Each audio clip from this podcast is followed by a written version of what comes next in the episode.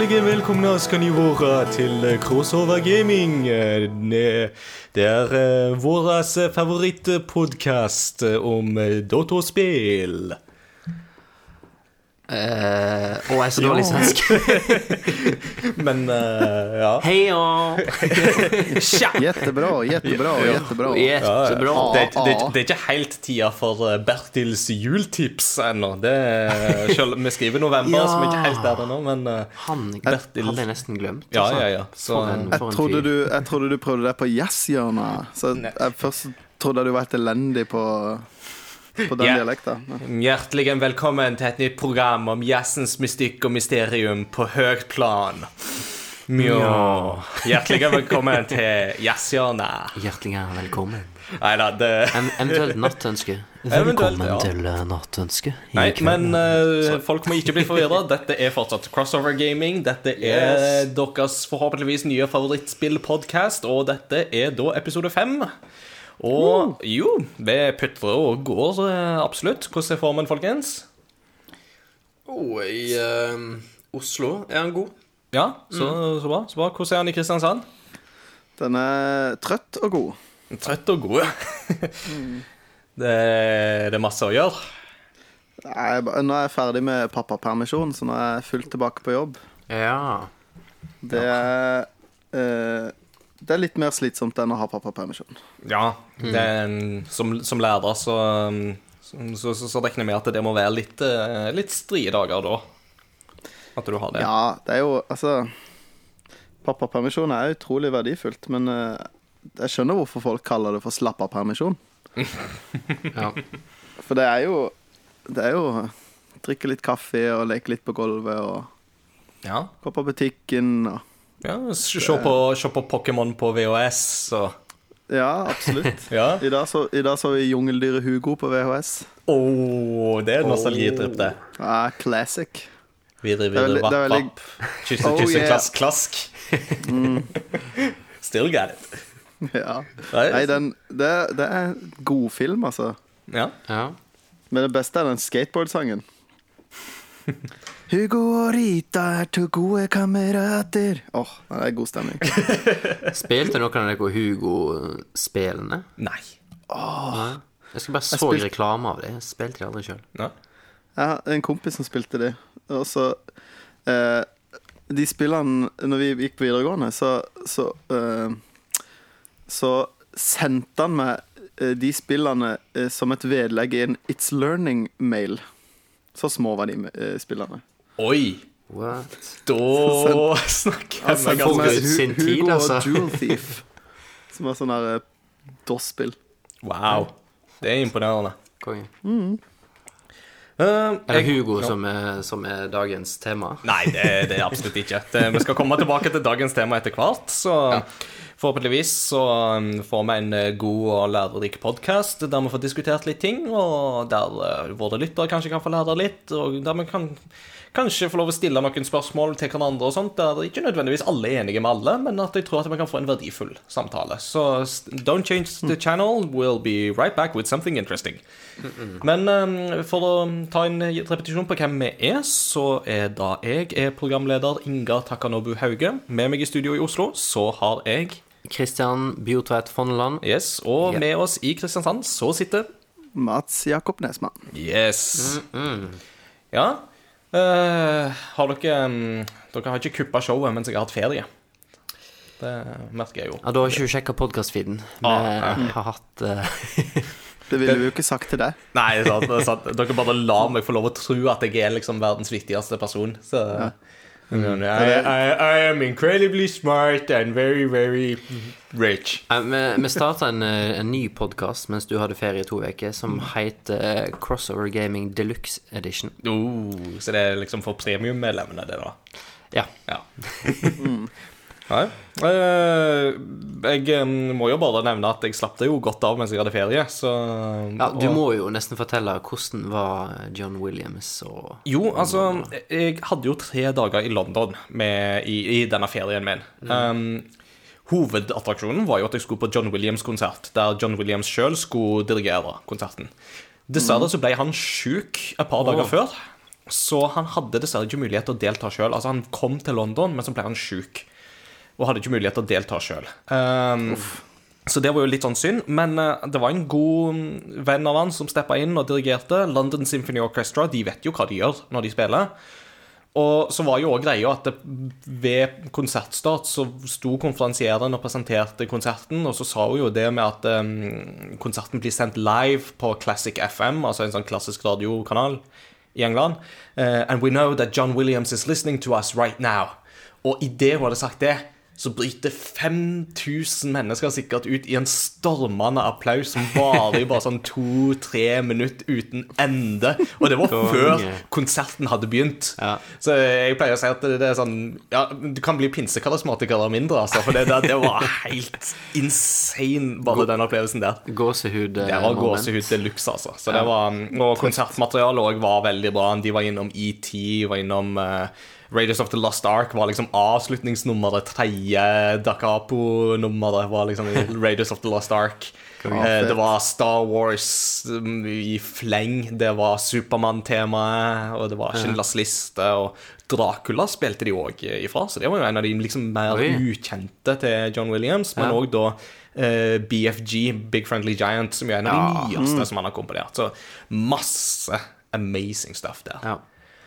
Um, litt før jeg var på konsert den dagen, så brukte jeg jo den dagen til å shoppe litt sånn Oh, gaming yeah. og nerdestuff. Det er masse kult å finne i London, altså. Mm. Jeg fant ei retrosjappe, en sånn liten spillsjappe litt sånn sør i London. Jeg tror det heter eh, Altså, stasjonen heter Tooting et eller annet, eh, tror jeg. Altså, du, du må reise den litt sør i London. Ja. Litt sånn slitt strøk og litt sånne ting, og der finner du en sånn god, gammel, klassisk retrosjappa som heter Crazy Thumbs. Crazy Thumbs. Ja, altså gale tomler. Og den sjappa der, de hadde alt ifra gamle Atari-spill, eh, Nintendo Entertainment System, til det nyeste.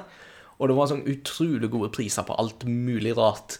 Eh, og så hadde han jo masse sånne kule sånne konsollting og sånt, så jeg endte da opp med å bruke 350 pund på den butikken til sammen. på nytt og gammelt. Jeg kjøpte blant annet Red Dead. Redemption, Red Dead Redemption 2 kjøpte jeg blant annet. Eh, Men jeg kjøpte da Det som kosta mest, det var en litt sånn peripheral-sak som heter Mega-CD.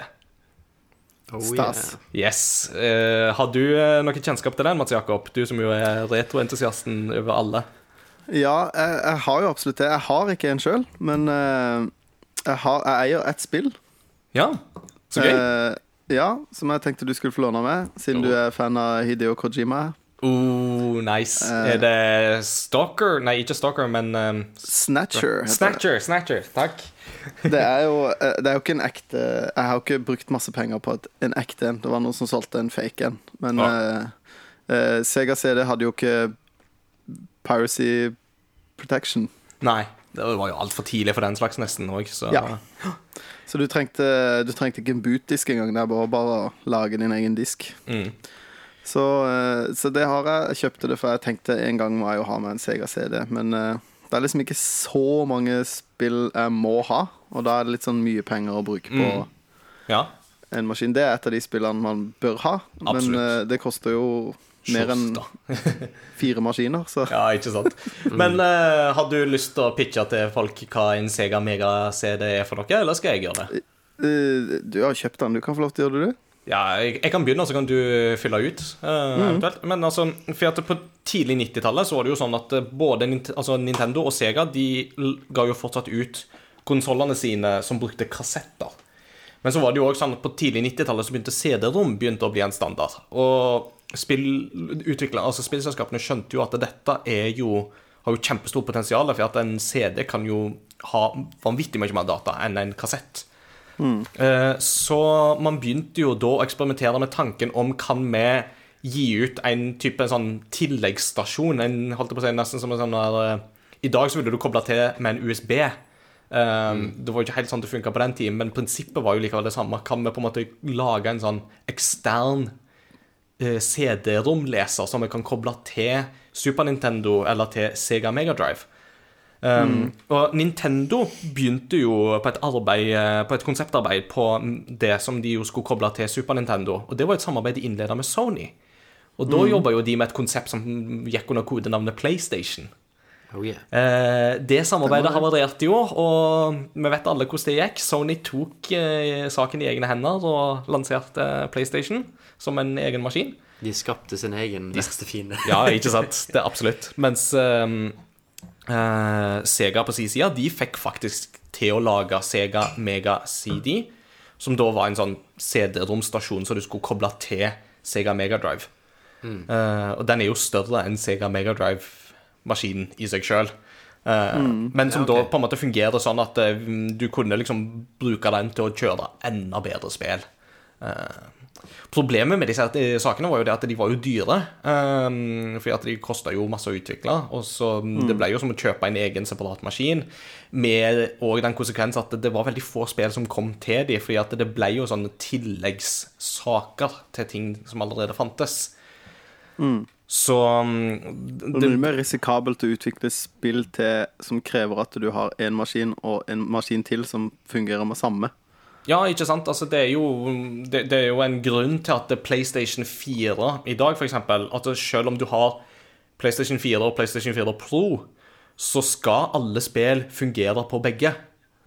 Eh, Så det er bare det at det, har du en Pro, så får du en bedre ytelse og en bedre opplevelse, og du får HDR-farger etc., etc. Men har du en vanlig PlayStation 4, skal du fortsatt få det samme spillet og den samme opplevelsen.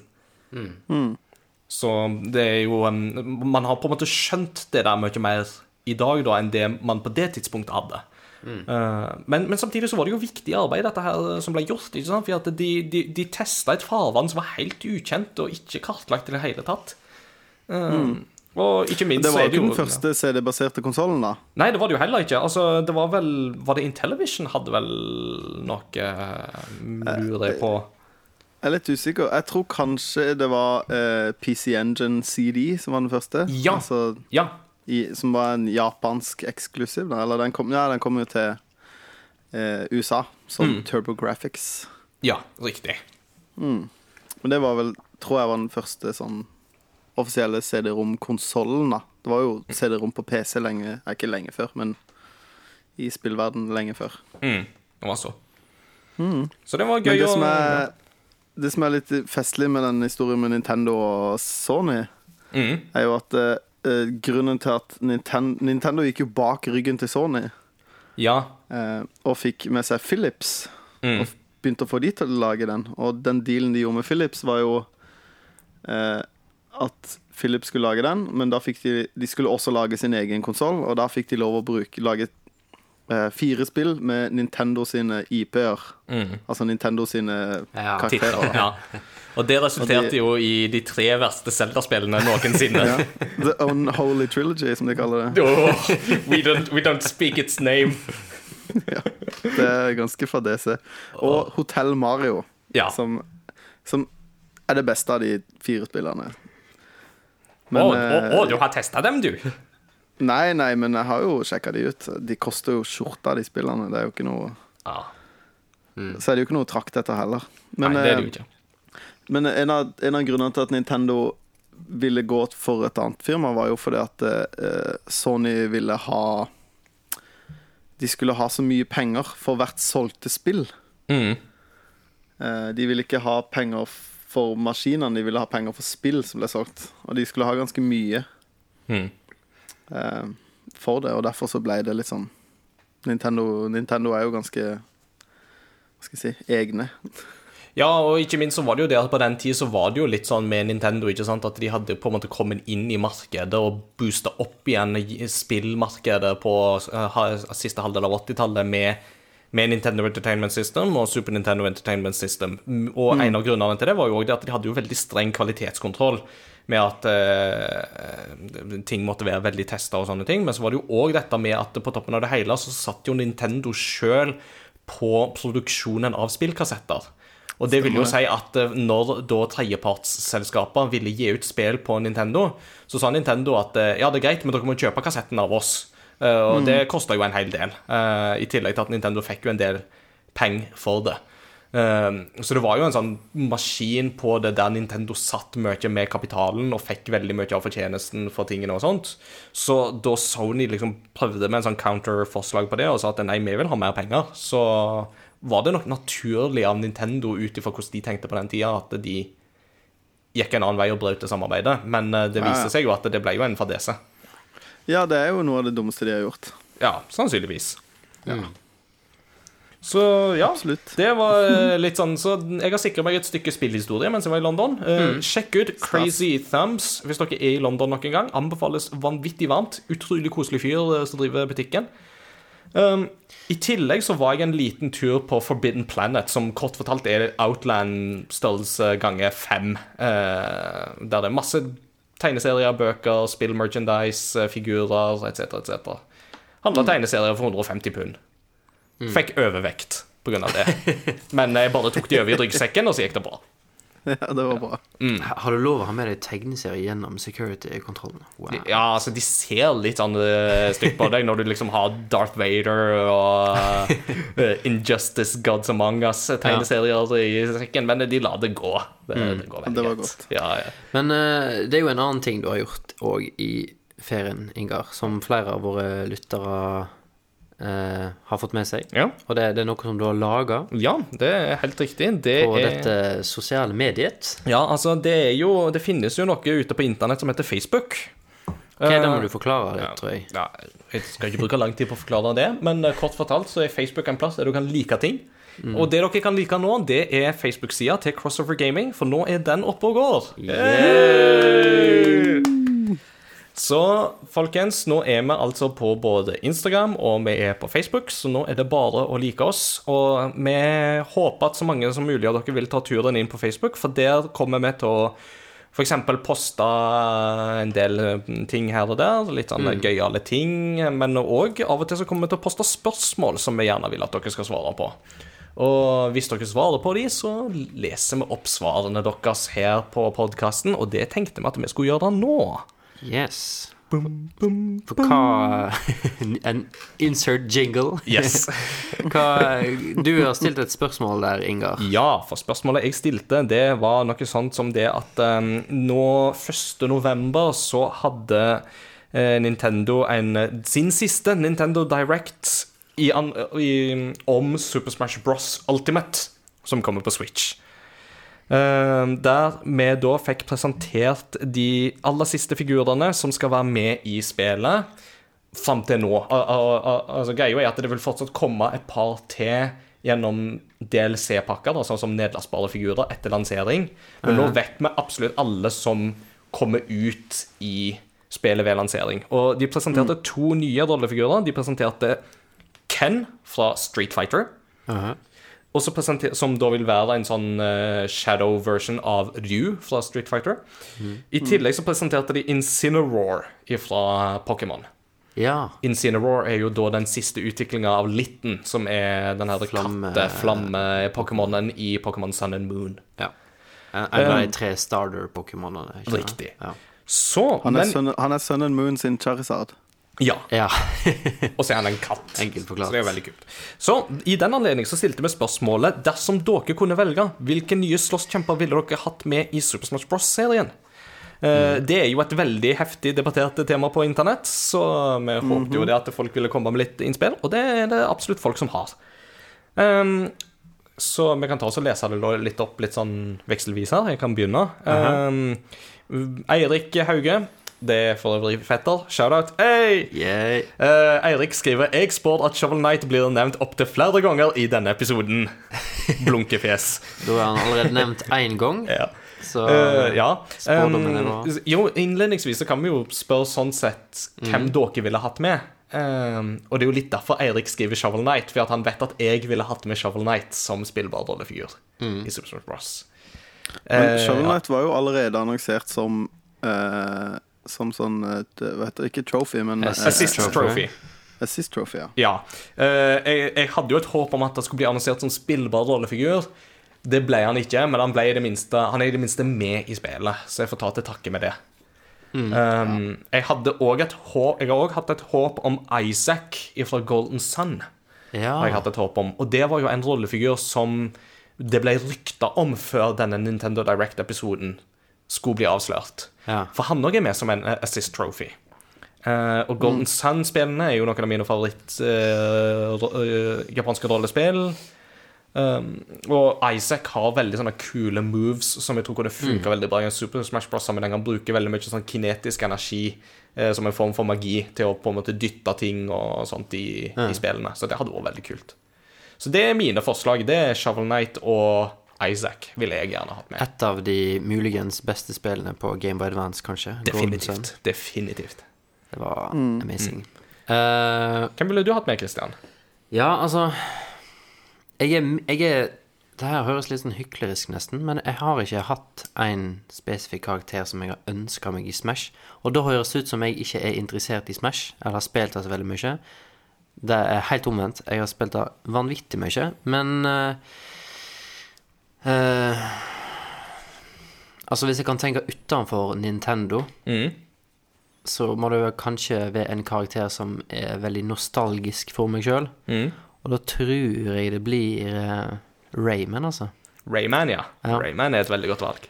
Han eh, Og kanskje ikke sånn som Rayman er som karakter i Origins og Legends, er det vel det det heter? Mm, ja. Men i de gamle spillene at han liksom har en arm han kan liksom skyte ut, at han har ganske mye range. Mm. Så um, ja. Han uh, holder inn ja. Raymond hadde, vært, meg han. Raymond hadde vært et veldig godt valg. Ja, men jeg tror ikke det skjer. Det tror jeg ikke. Nei. Uh, Mats Jakob, hva med deg? Uh, jeg har tenkt, tenkt en del på det, og det er litt sånn herre eh, Det er jo mange som blir nevnt som på en måte er, er enig med. Men eh, hvis du prøver å tenke noen som er litt, hadde vært litt gøy Jeg synes, eh, Det var jo noen som hadde skrevet på det spørsmålet som hadde skrevet Owlboy. Mm. Og jeg har spilt Owlboy i det siste, og det hadde vært veldig veldig gøy. At han kunne plukke opp de andre karakterene og sånne ting. Litt sånn som Kirby kan stjele Mm. abilities, at han kunne plukka de opp, og så fått Fly de av banen. Eller Eller ja. eller så, Det hadde vært kult. Ja. Men jeg, jeg tenkte på Det hadde vært en karakter som hadde vært morsom å se hvordan de hadde løst. Jeg har ikke noe godt forslag sjøl, men er den derre hjelperoboten fra Nintendoland på Wii U. Eh, Monita. Ja, det hadde Ja. vært festlig. Eh, mest bare fordi at det er jo en sånn Nintendo-karakter som på en måte folk husker Tenker ikke på den karakteren, tror jeg. Nei. Nei, men det gjorde jo Og Nintendo Land var jo sånn Altså Wii U solgte jo dårlig i utgangspunktet, men all, de fleste hadde jo Nintendo Land. Men jeg tror de fleste på en måte håpte på Wii Sports, og så fikk de ikke det. Men uh, jeg har hatt vanvittig mye gøy med Nintendo Land. Nintendo Land hadde òg en veldig gøye spill, altså. Sånn som dette her uh, Ghost Mansion-spillet, oh. der én sitter med gamepaden og de fire andre må se på TV-en. Det var faktisk et utrolig gøyalt spill. Det er Så- så, gøy. Det er Jeg, kjempegøy. altså, jeg, har jeg, når jeg kjøpte Wii U jeg, tror, jeg hadde spillkveld sikkert tre av fire helger i måneden. Mm. Det var før jeg fikk barn, da. Men, eh, og, og hadde da kompiser på besøk, og vi var kanskje liksom, kunne være typ liksom åtte stykker. Som bare, og så har jo jeg masse spill, men var sånn, vi må spille det spøkelsesspillet. Ja, Og, og gjemsel. Ja Gjemsel òg var Ja. kjempe... Det er liksom de to det gikk i, da. Og det er også Han spiller timevis. Det blir så intenst. Ja.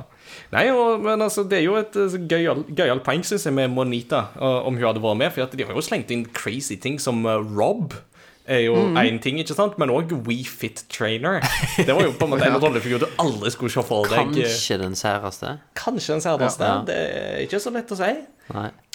Men Så- du da, Ingar? Har du et eh, ønske? Ja, Du sa- jeg, du jeg jeg, har pitcha mine, jeg, allerede. Så jeg tenkte jeg skulle du- gå tilbake til lytterne våre, eh, Inn i kommentaren der. Ja, ja, ja. Men Ja. eh, en ting jeg skulle ønske også, hadde vært Du har jo Pokémon Trainer, Mm. men jeg skulle gjerne ha slåss som Ash. Ja. Fordi han Han er jo den største pysa som fins. altså, I og med at jeg har sett mye på Pokémon på VHS i det siste, så er det liksom eh, For det første, han er jo ti år, så Mm. karakteren er, det er jo helt i karakteren sånn, men han er liksom brauten og stor i kjeften, og så er han skikkelig pyse når det gjelder. ja. Eh, og det hadde vært morsomt å se åssen de hadde gjort den Litt sånn, litt sånn Luigi, Luigi's Mansion-pyse, på en måte. Det hadde vært litt Ja. morsomt. Jeg, eh, når, du, når du sa Ash nå, så kom jeg på en ting som hadde vært veldig kult. Hvis du kunne vært Team Rocket. Det hadde vært episk. Og at de hadde Når du starter en sånn eh, En Smash-kamp, så er det liksom en av karakterene ofte som blir zooma inn på å få sin entré. Ja. Da kunne de jo hatt det veldig sånn kjapt av den Team Rocket-introen. Prepare for trouble, make it double. oh, det, det beste er jo at den der eh, Når Sjekk du blir det knocka av skjermen synet! ja. Når du blir knocka av skjermen, så kommer de sånn bing i bakgrunnen. Ja, Det, det det er passer veldig bra. Ser ut som Team Rocket blir blåst av sted igjen. Det hadde faktisk vært veldig gøyalt uh, forslag. det hadde vært dritkult. Ja. Nå har jo um, dessverre her um, um, Sakurai, Masairo Sakurai, som jo er sjefsutvikler på Smash og alltid har vært det, han har jo nevnt det at det ikke, ikke kom med flere forslag nå, folkens, er dere snille. Jeg tror Ja. han begynner Ja. å bli litt lei. Um, jo, de annonserte jo en tredje rollefigur som jo også er litt sånn kontroversiell. Og det er den første rollefiguren som blir tilgjengelig digitalt for nedlasting. Og det er Piranha Plant. Ja.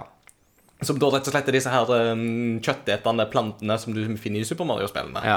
Og det, det tenker jeg at det Altså, Den er litt far out. den er litt far out, ikke sant? Og det er jo litt sånn rart når du har så mange rollefigurer som har blitt etterlyst, og så kjører de Piranha Plant. Så det er jo litt sånn Men, men Men den Jeg må prøve den før jeg på en måte kan bedømme det og sånt, men det var liksom ikke den figuren jeg Nei, men- drømte mest om. Men jeg, jeg føler kanskje den røper da at da er det kanskje noen av disse figurene som er ønska, som kanskje kommer, Ja, det kan men være. som de sparer til en sånn ny reveal, da. Men jeg tror kanskje vi skal Vi har noen kommentarer å gå gjennom her. Ja, ja, ja. Nå har vi Eh, tatt absolutt, eh, absolutt. Eirik Hauge her. Ja, Eirik Hauge spådde at Shovel Knight vil bli nevnt opptil flere ganger, og det har han jo blitt allerede.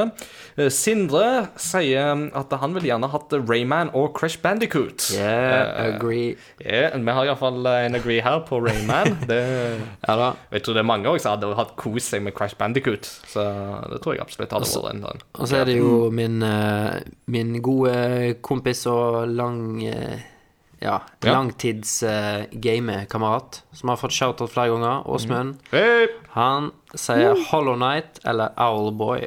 Ja. Hall- Hollow Knight hadde Owlboy. Ja, eh, Hollow, Hollow Knight hadde òg vært veldig gøy. Altså, det er jo Ja. en sånn hit uh, fra det siste året som har vært veldig gøy. Så Eh. Eh, Torstein eh, skriver at eh, jeg håpet virkelig at The Grinch Leak TM var ekte.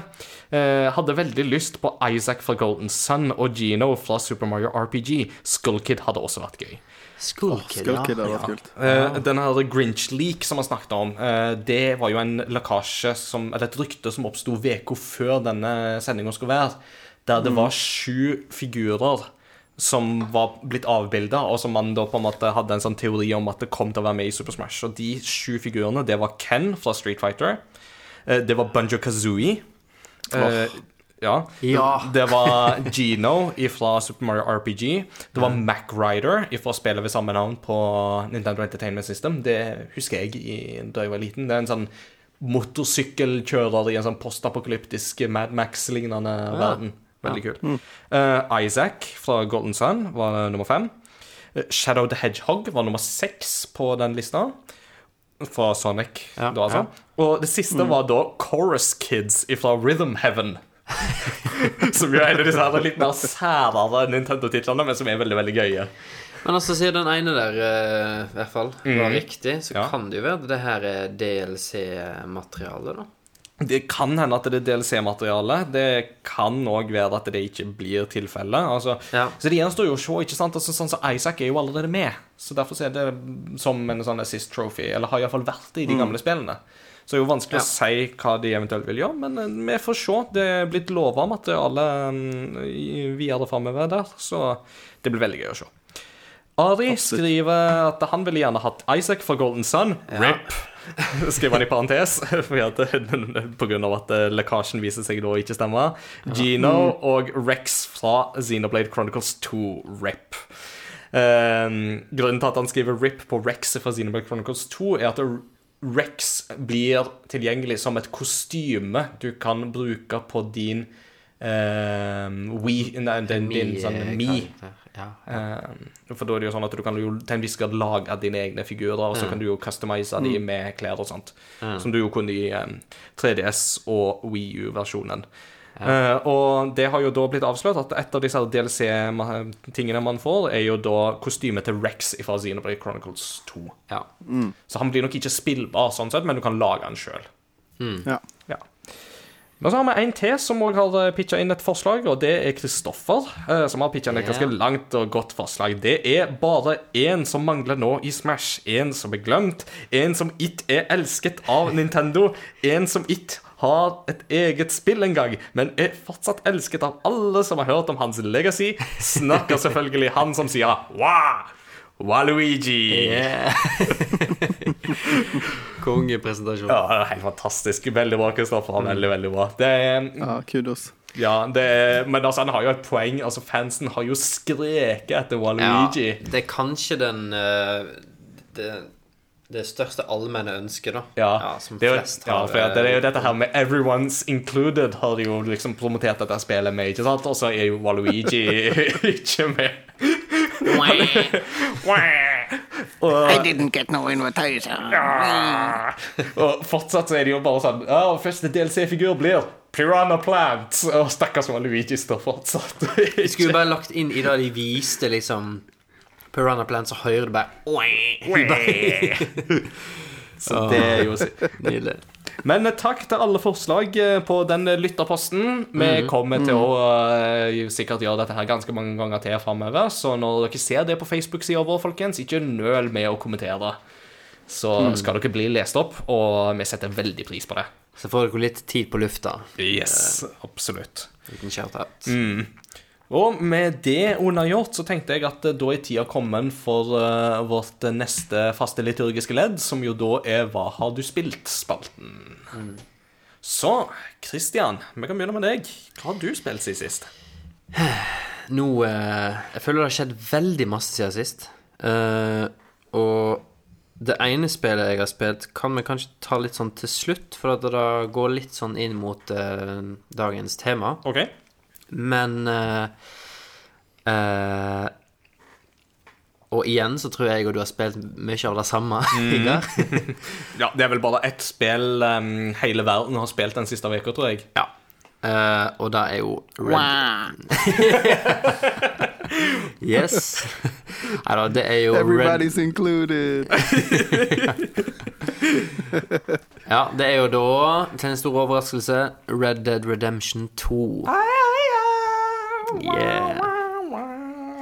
Um, og det her kan vi kanskje presentere litt sånn sammen, Ingar. Du Ja. har spilt veldig mye, du òg. Ja, jeg har spilt en 20 timer uh, sjøl nå, Ja. eh, siste par ukene. Hva, husker du hva den prosent-save-slåtten din sa sist gang du sava? Um, altså Helhetsprosenten er på 30 nå.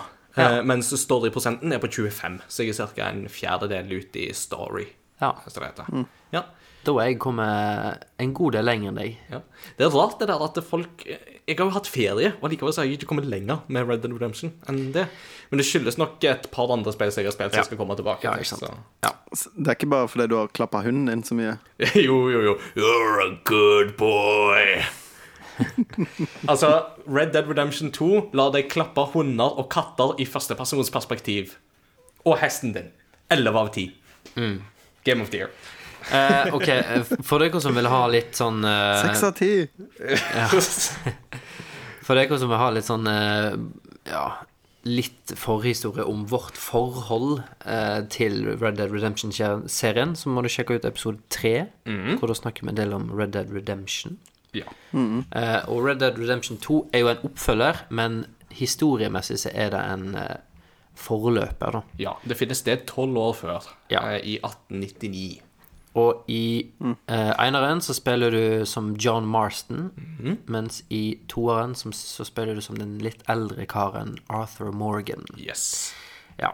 Eh, og det her er jo et cowboyspill. Mm, og det er et westernspill. Ja. Absolutt. Satt i den ville vesten. Du er en outlaw, så du er del av en lovløs bande. The Vanderland Gang. Yes. Eh, og så starter vel spillet med at det er på rømmen. Mm. Oppe i fjellheimen. Ja. Eh, Så du, begynner, du blir faktisk presentert med vinterlandskap ganske lenge i Ja. starten av spillet. Veldig sånn uh, The Hateful Eight-følelse over det. Ja. Veldig, veldig godt poeng.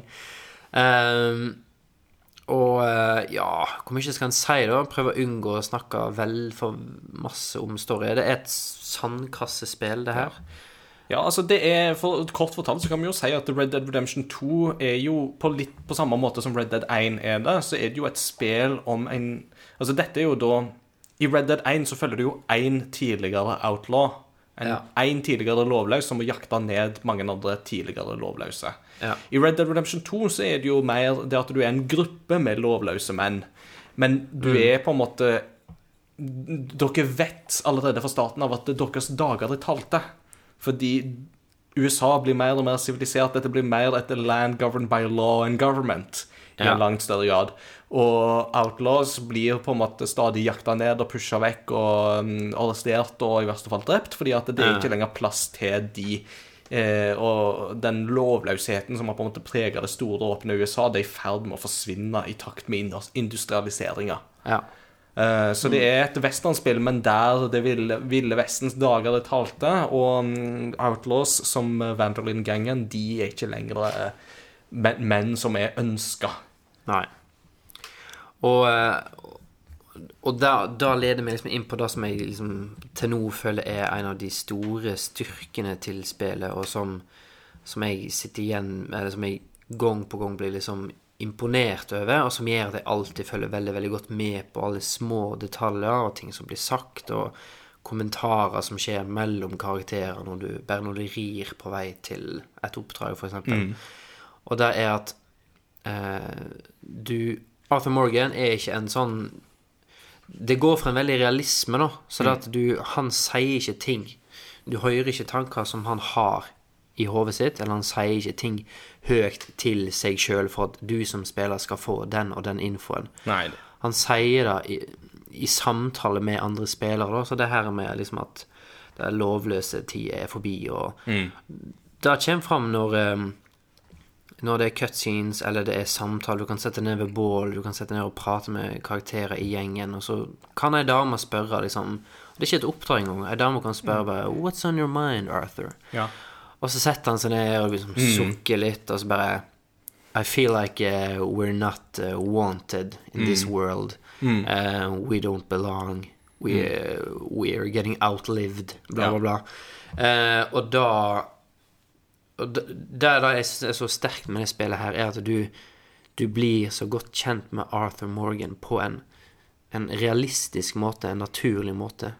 Du har ikke en sånn svær character sheet hvor du kan lese om hans fortid. Nei. Du har ikke um, audiologs du plukker opp, eller du, du har ikke Han driver ikke og snakker til seg sjøl, som sagt. Du må liksom, du må følge med, du må lese liksom ansiktsuttrykket hans, høre hva han kommenterer, høre litt på humoren hans, lese kroppsspråket hans. Ikke minst. Grafikken er veldig, veldig bra, så da å lese ansiktet hans sier deg veldig mye om hans sine, hans sine meninger, tanker og følelser i en scene hvor han kanskje ikke sier noe. Nei, ikke sant. Og eh, det er så mange sånne punkt i spillet da, som er Og det er jo et usannsynlig fint spill.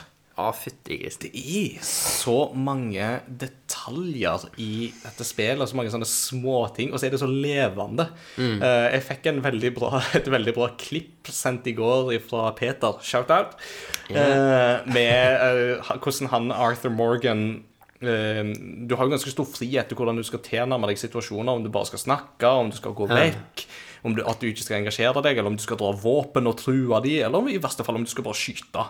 Eh, Så det var et klipp der Arthur Morgan, da for å liksom true noen litt, grann, så tar han, også, tar han revolveren og så skyter han opp i lufta. For å true en eller annen stakkars sånn, uh, fyr som er litt sånn redd.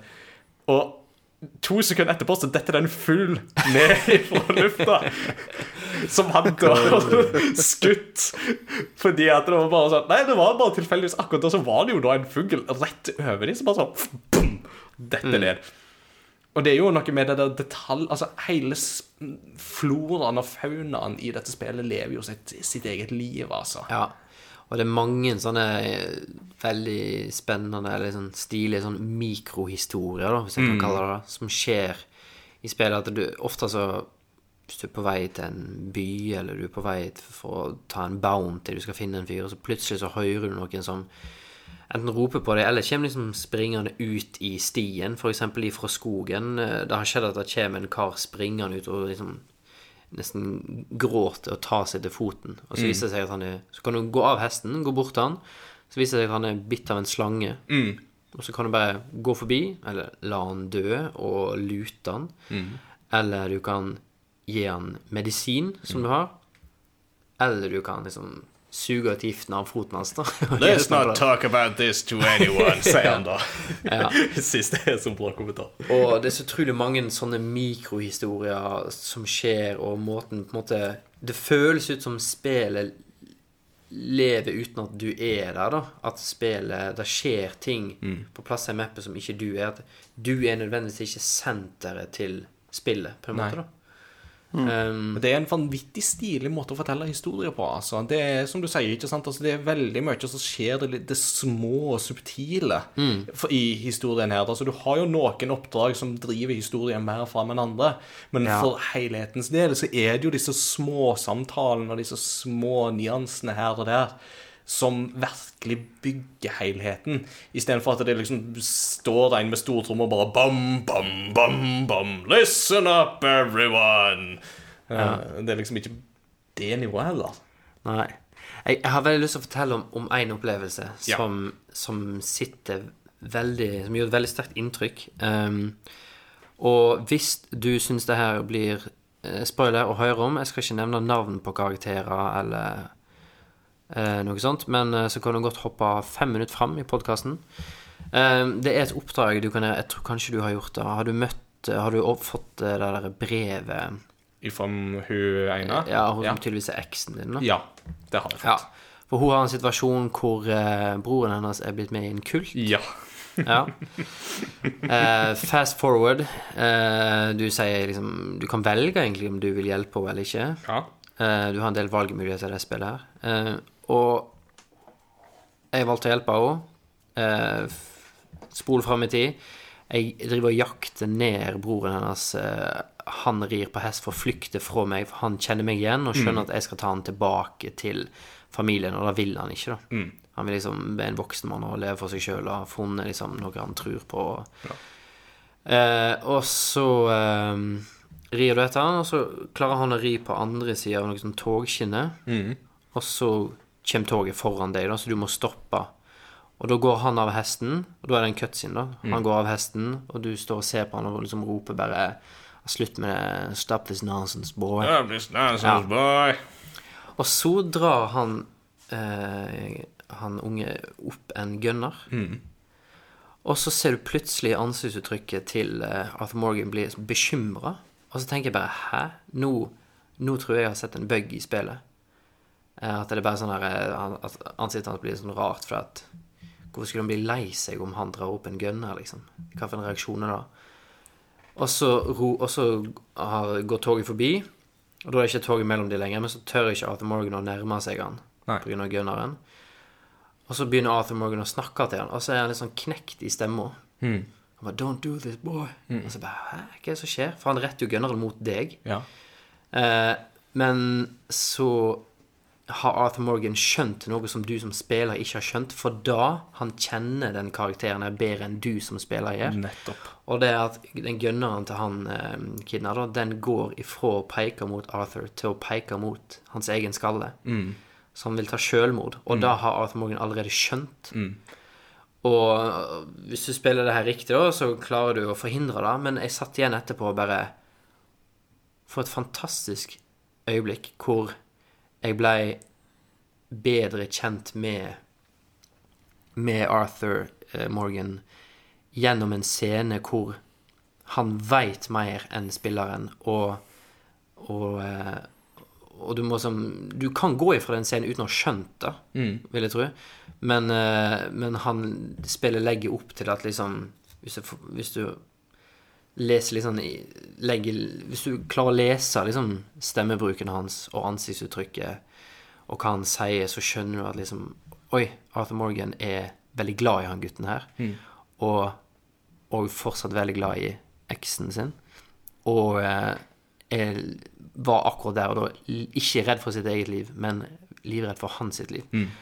Og etterpå, eh, mange dager etterpå så sitter den scenen fortsatt ganske sterkt. Altså, og det er egentlig ganske lite oppdrag. i Det er det. spillet. Det er ganske lite. Men det, og det som er ekstra gøy med det oppdraget der, er jo det at det, for å i det hele tatt få det oppdraget, så må du oppdage et lite brev som ligger ved Arthur Morgans seng, seng, ja. i Ja. leiren hans. Ja. Og hvis du aldri plukker opp det brevet der, så får du aldri dette oppdraget. Nei. Så det er kjempebra, altså. Ja. Og jeg fikk litt sånn sympati med han der unggutten òg, for grunnen til at han jo ble med i hele den kulten, var jo fordi at far hans eh, har liksom alltid bare på en måte rakka ned på han. og bare sånn der, «Øh, Du er ikke bra til noe, gutt. Du vil aldri på en måte klare det. Du, du, du er ikke test til noe. For Ja. at han da tydeligvis på en måte ikke har sånne der klassiske eh, westernstyrker. Han, han er liksom ikke den der mannemannen, nei. Nei. Ikke sant? Men at det er sånn Ja, så hva skal han da gjøre? Uh, what do you like to do, boy? What do you like? Um, apples! Ja. Så, så resultatet er at du bare sier OK, begynn å jobbe igjen. Mm. Orchard. Og så, og så må det jo nevnes at liksom bak egentlig nesten hele det oppdraget der Altså musikken i Red Dead eh, Redemption 2, Mm. veldig, veldig bra. Eh, men det er et tema der, Mm. og en, et instrument som jeg ikke har hørt brukt i resten av spillet ennå. Som setter veldig den derre Nå er det Nå skal du inn i en annen stemning, da. Nå er det noe noe annet som skjer. Og da er det Jeg tror det, det er kun eh, pedal-stil, altså stilgitar. Eh, Slide-gitar, som blir spilt helt solo, helt alene. Som er liksom Enten så er det love eh, theme, eller så er det liksom tema til den her kulten, eller Men det er liksom Det er nydelig, da. Kjempefint. Eh, ja. Så eh, gleder meg til å spille mer, og gleder meg til å bli bedre kjent med Arthur. Ehm, kanskje hovedgrunnen, eller det som driver meg mest til å spille at the moment. Ja. Okay. Uh, kjapt spørsmål Mm. i den forbindelse er Tror du dette er ditt game of the year?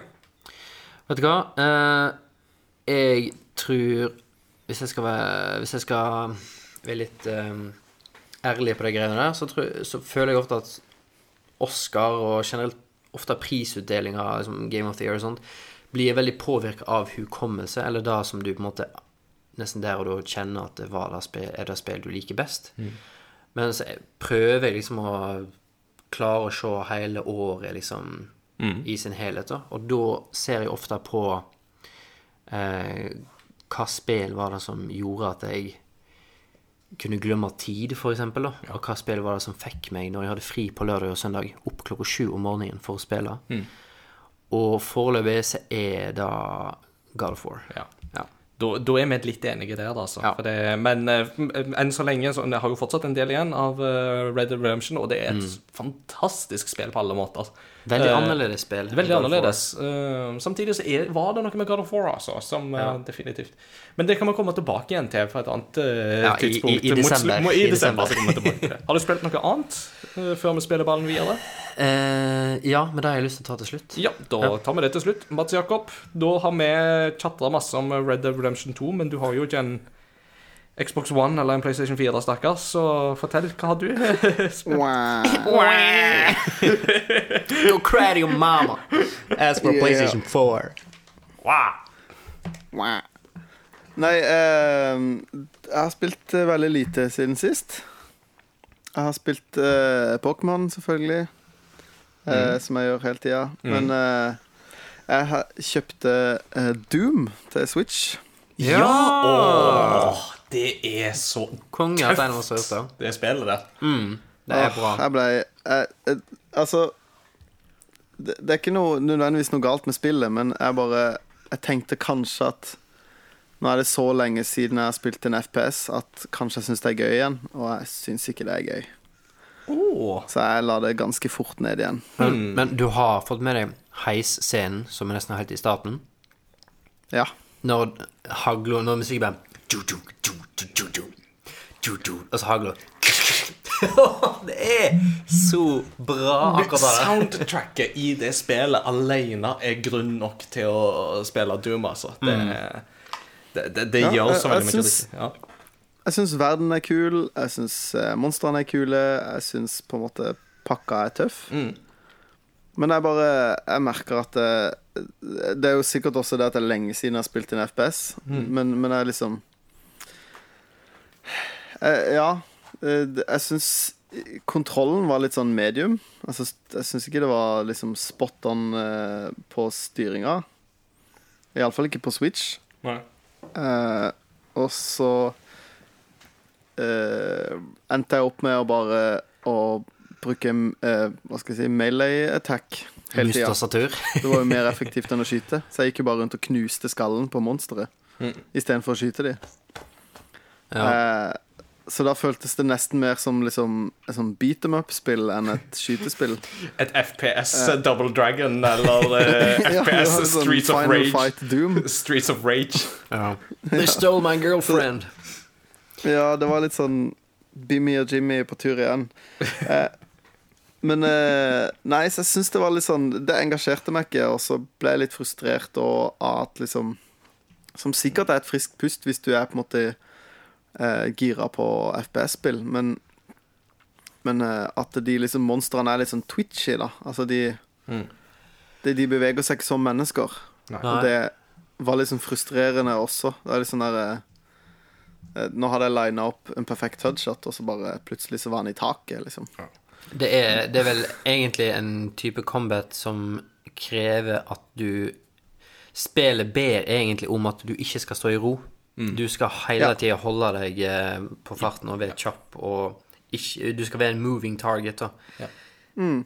Eh, Sånn sett så kan jeg jo på en måte pitche en annen av disse gamle seriene som også har blitt gjenopplivet, og det er Wolfenstein. Eh, altså de nye Wolfenstein-spillene. Uh, nå er det jo bare Wolfenstein 2 som er tilgjengelig på Switch, for deg som har det. Eh, men det er det samme, men, altså, det er jo det samme studioet som har komprimert Doom og Wolfenstein 2 til Switch. Og jeg syns de klarer ja. den jobben ganske bra med tanke på hvor krevende de spillene er, og hvor liten Absolutt. Switch er. Bare det, altså både Doom og Switch Doom og Switch, sier jeg. Doom og Wolfenstein er spill som i utgangspunktet egentlig ikke skulle gå på Switch, altså. Nei. Men som Nei. klarer det forholdsvis bra på mange måter. Altså, hvis- en, en, hvis en skal Det tekniske i ti sekunder her, så er vel Hvis du ser på power consumption i watt, altså hvor mye energi disse konsollene her bruker, så lurer jeg på om PlayStation 4 er godt over 100 watt. Ja, altså, PlayStation 4 sluker strøm. Ja, eh, og kjører Doom eh, fint i 60 FPS og 1080p. Mens Switch-konsollen tror jeg drar i handheld, så tror jeg han drar 7 watt. Og at de har klart å få det til med den uh... Og det beste er at de klarer bunnsolide 30 frames. Altså, de, de har liksom satt det liksom at vi skal klare 30, 30 frames, og det gjør de. Det er helt bunnsolid hele tida. Det, Ja, det, det legger jo ikke på noen måte. Eller det er jo ikke noe Altså, det er jo ikke Det glitcher jo ikke. Men eh, nei, det var bare eh, Ja. Jeg, er Jeg, var liksom, jeg hadde litt forhåpninger, for jeg, jeg spilte Jeg testa det på Spillekspo for Ikke den som var nå i oktober, men for et år siden. Yeah. Da var vi der sammen, Christian. Jeg og du og din sønn. Ja, men Du var barnevakt for Ludvig mens jeg sto og gravde i kassene i retroshoppene. Good times. Men eh, Ja, det var gøy, det. Men, eh, men da testa jeg det, så tenkte jeg shit, det her var kult. Det er kult at jeg kan spille et sånt spill på Switch. At det ikke er liksom Det er ikke bare Mario, liksom. Nei. Ja. Men eh, det kan hende at jeg, at jeg blir gira på det igjen en annen gang. Men jeg ble litt sånn Jeg ble litt skuffa. Litt over meg sjøl og litt over spillet, på en måte. Ja. Så Spillet er på ingen måte dårlig, det var bare Det var ikke det jeg hadde For, for mitt vedkommende så vil jeg nok Ja. tipse PC-versjonen, altså, for FPS er fortsatt best på PC etter mitt syn, men Absolutt. det er nok Absolutt. eh, sånn. Frames per second, eller first person shooter? First person shooter. Begge deler. Ja, begge deler forkortes FPS, så den er forvirrende. Men, Og begge eh, deler er best på PC. ja, ja. Men uh, kjøpte du det fysisk eller digitalt? Jeg kjøpt, kjøpte det fysiske. Ja, da kan jeg låne det en gang, da. Let's be friends. Yeah, we are friends, man. Eh, nei, så You're not. Uh, Everyone is included. men uh, det Så jeg har ikke gjort det. Men jeg har en litt gøyal historie å fortelle fra i dag. Det må, jeg må nesten fortelle det. Fordi at Mm. uh, eh, jeg er jo en nostalgiker av, av av de Av store. Ja. ja. Og eh, en lekebutikk som jeg kjøpte Jeg vet at jeg kjøpte flere spill, men jeg husker veldig godt at jeg kjøpte Super Mario Sunshine i den lekebutikken ja. På GameCube. Den eh, har opphørssalg. Eh, og så går jeg dit i dag med Ludvig, nei, med Bjørn i vogna, og så kikker jeg litt, så tenkte jeg sånn Jeg må jo dra innom den butikken en gang til før han stenger, da. Mm. For det er jo minner av spill der. Ja. Helt bakerst i butikken så har de sånne her, eh, svære bins, eh, hva skal jeg kalle det, svære sånne kasser med liksom random, masse random ting. Mm. Og så begynner jeg å kikke, og så først så finner jeg en, eh, en lader til Gameboy Advance. Oi. Ny i eske. Så tenkte jeg sånn hm, Det her var jo litt festlig. Så graver jeg litt mer, så finner jeg en eh, eh, En sånn eh, em, Hva skal jeg si Antennetilkobling til PlayStation 1. Wow. Altså ikke rød, hvit og gul, men sånn antenne som du må søke etter bildet. Ja. Ja, Den nye ja, ja, eska? ja, ja. Og det siste jeg fant, var jeg fant et, eh, jeg fant et LAN-adapter til GameCube, ny eske. Wow! Det er jo bra. Til Kjøpte den du nette sum av 100 kroner. Ja. Alt sammen. Kult. Så det var, det var litt gøy. Det var litt stas å finne noe GameCube-relatert i den butikken som jeg på en måte husker at jeg kjøpte GameCube-spill i. Men du kjøpte det òg, sant? Det var ikke bare du så det og så bare ja. Nei, jeg kjøpte det. Ja, Det står på hylla. Ved siden av Gameboy Advance-playeren til GameCuben min. Så det pynter fint på hylla. Kommer jo aldri til å få brukt det, da. Nei. Dessverre. Kjekt å ha. Husa full, Ja. som kjerringer pleier å si. Husa full. Nei, så det, det var litt stas for meg, da. Jeg syns det var gøy Ja, Nei, men det er så bra. finne det. Veldig gøy.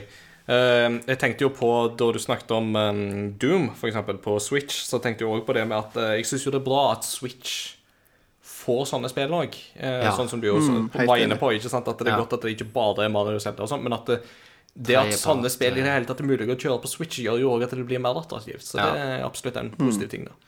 Det er vel uh, En skal ha ganske mange konsoller bak uh, i tid hos Nintendo før tredjeparts uh, support var så bra som det er nå. det, det tror jeg absolutt. Jeg vet nesten ikke om det faktisk har vært det. Nei, altså dette Ever. tror jeg er det beste de har hatt siden Super Nintendo-dagene, altså når det kommer Mm, til ja. popularitet.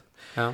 Um, for min del så Jeg har jo hatt ferie. Um, jeg har nok fått gama litt, men kanskje ikke så masse som jeg på en måte skulle ønske, for jeg har gjort litt andre ting òg, som jeg skal komme innom. Mm. jeg har anmeldt to spill for uh, Game Reactor uh, i ferien. Busy. Eh, ja, altså det ene skrev jeg eh, anmeldelsen av for en tid tilbake, og så var den publisert nå. Men det er da Taiko no Tatsujin til PlayStation 4 og Taiko no Ja. Tatsujin til Switch. så jeg har uh, holdt uh, the rhythm eh, beats alive and kicking eh, i ferien. Um, Har du spilt Let It Go? ja, jeg har spilt Let It Go. Det har jeg. Og, og, og Try Everything har jeg også spilt, for jeg måtte jo prøve alt. Jeg har òg spilt Moana Ja. sa, en, en av disse Moana-sangene. Ja, ja, ja. ja. Um, Den filmen heter Vaiana på norsk, by the way. Ja, jeg vet han gjør det, men um, ja. Logic. Jeg, jeg, jeg um, Ja.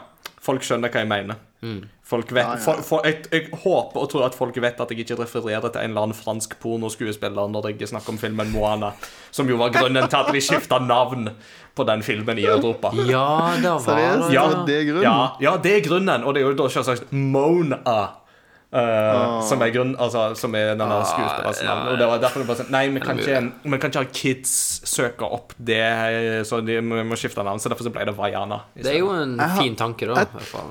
Ja, jeg har alltid trodd at det var fordi at eh, i USA så er jo folk klar over at For det er jo litt sånn Det skal jo på en måte være Hawaii, på en måte. Mm. Så jeg har alltid trodd at liksom i USA så vet jo amerikanere vet jo at eh, de kalles for Moa-folket. Mm. Altså de som er eh, native eh, hawaiianere. Mm. Men det vet jo ikke nordmenn. Men folk vet jo hva Hawaii er, så derfor har jeg alltid tenkt at det var hawaiiana, på en måte. Ah, det det. Er jo ikke så dumt tenkt. det var grunnen. Ja. Det er jo ikke så dumt tenkt, for det kan jo hende at det er grunnen til at de gikk for hawaiiana. Ja. At det var liksom en Ja. baktanke med det navnet, da. Så Ja. ikke Ja. dumt tenkt, det, altså. Men eh, hadde jeg vært Disney, så hadde jeg også fortalt den historien, og ikke eh, denne filmen, eh, sønnen min. Sett deg ned, jeg skal fortelle noe. Har du hørt om fransk porno? Don't, don't uh, look at porn kids, it's bad for you. Om Men um, Taiko og Tatsujin i alle fall, er jo det jeg har spilt. Det har jeg jo snakket om litt før. um, men det er jo da sånn her um, Det er jo egentlig et japansk arkadespill der du spiller på en sånn stortromme, eller en taiko, som det heter. Um, og jeg hadde jo Jeg har anmeldt begge versjonene på Game Reactor, så dere kan lese mer der. For de to spillene som er kommet ut, det er jo to vidt forskjellige spill. eh, med veldig forskjellig oppbygging og sine styrker og sine svakheter.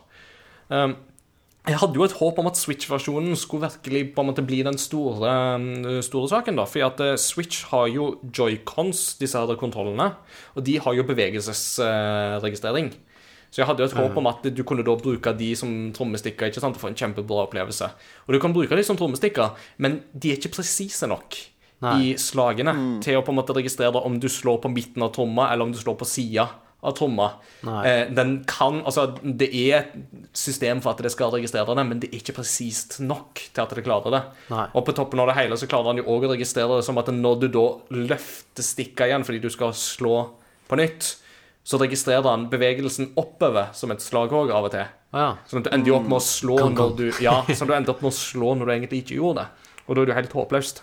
ja. Så um, bevegelseskontrollene på Switch fungerer dessverre fryktelig dårlig, og det er eh, ganske trist. Men eh, det er veldig underholdende spill likevel, da. Absolutt. Du må jo bare ende opp med å spille dem med knapper, eller importere sånne trommekontroller fra PlayAsia.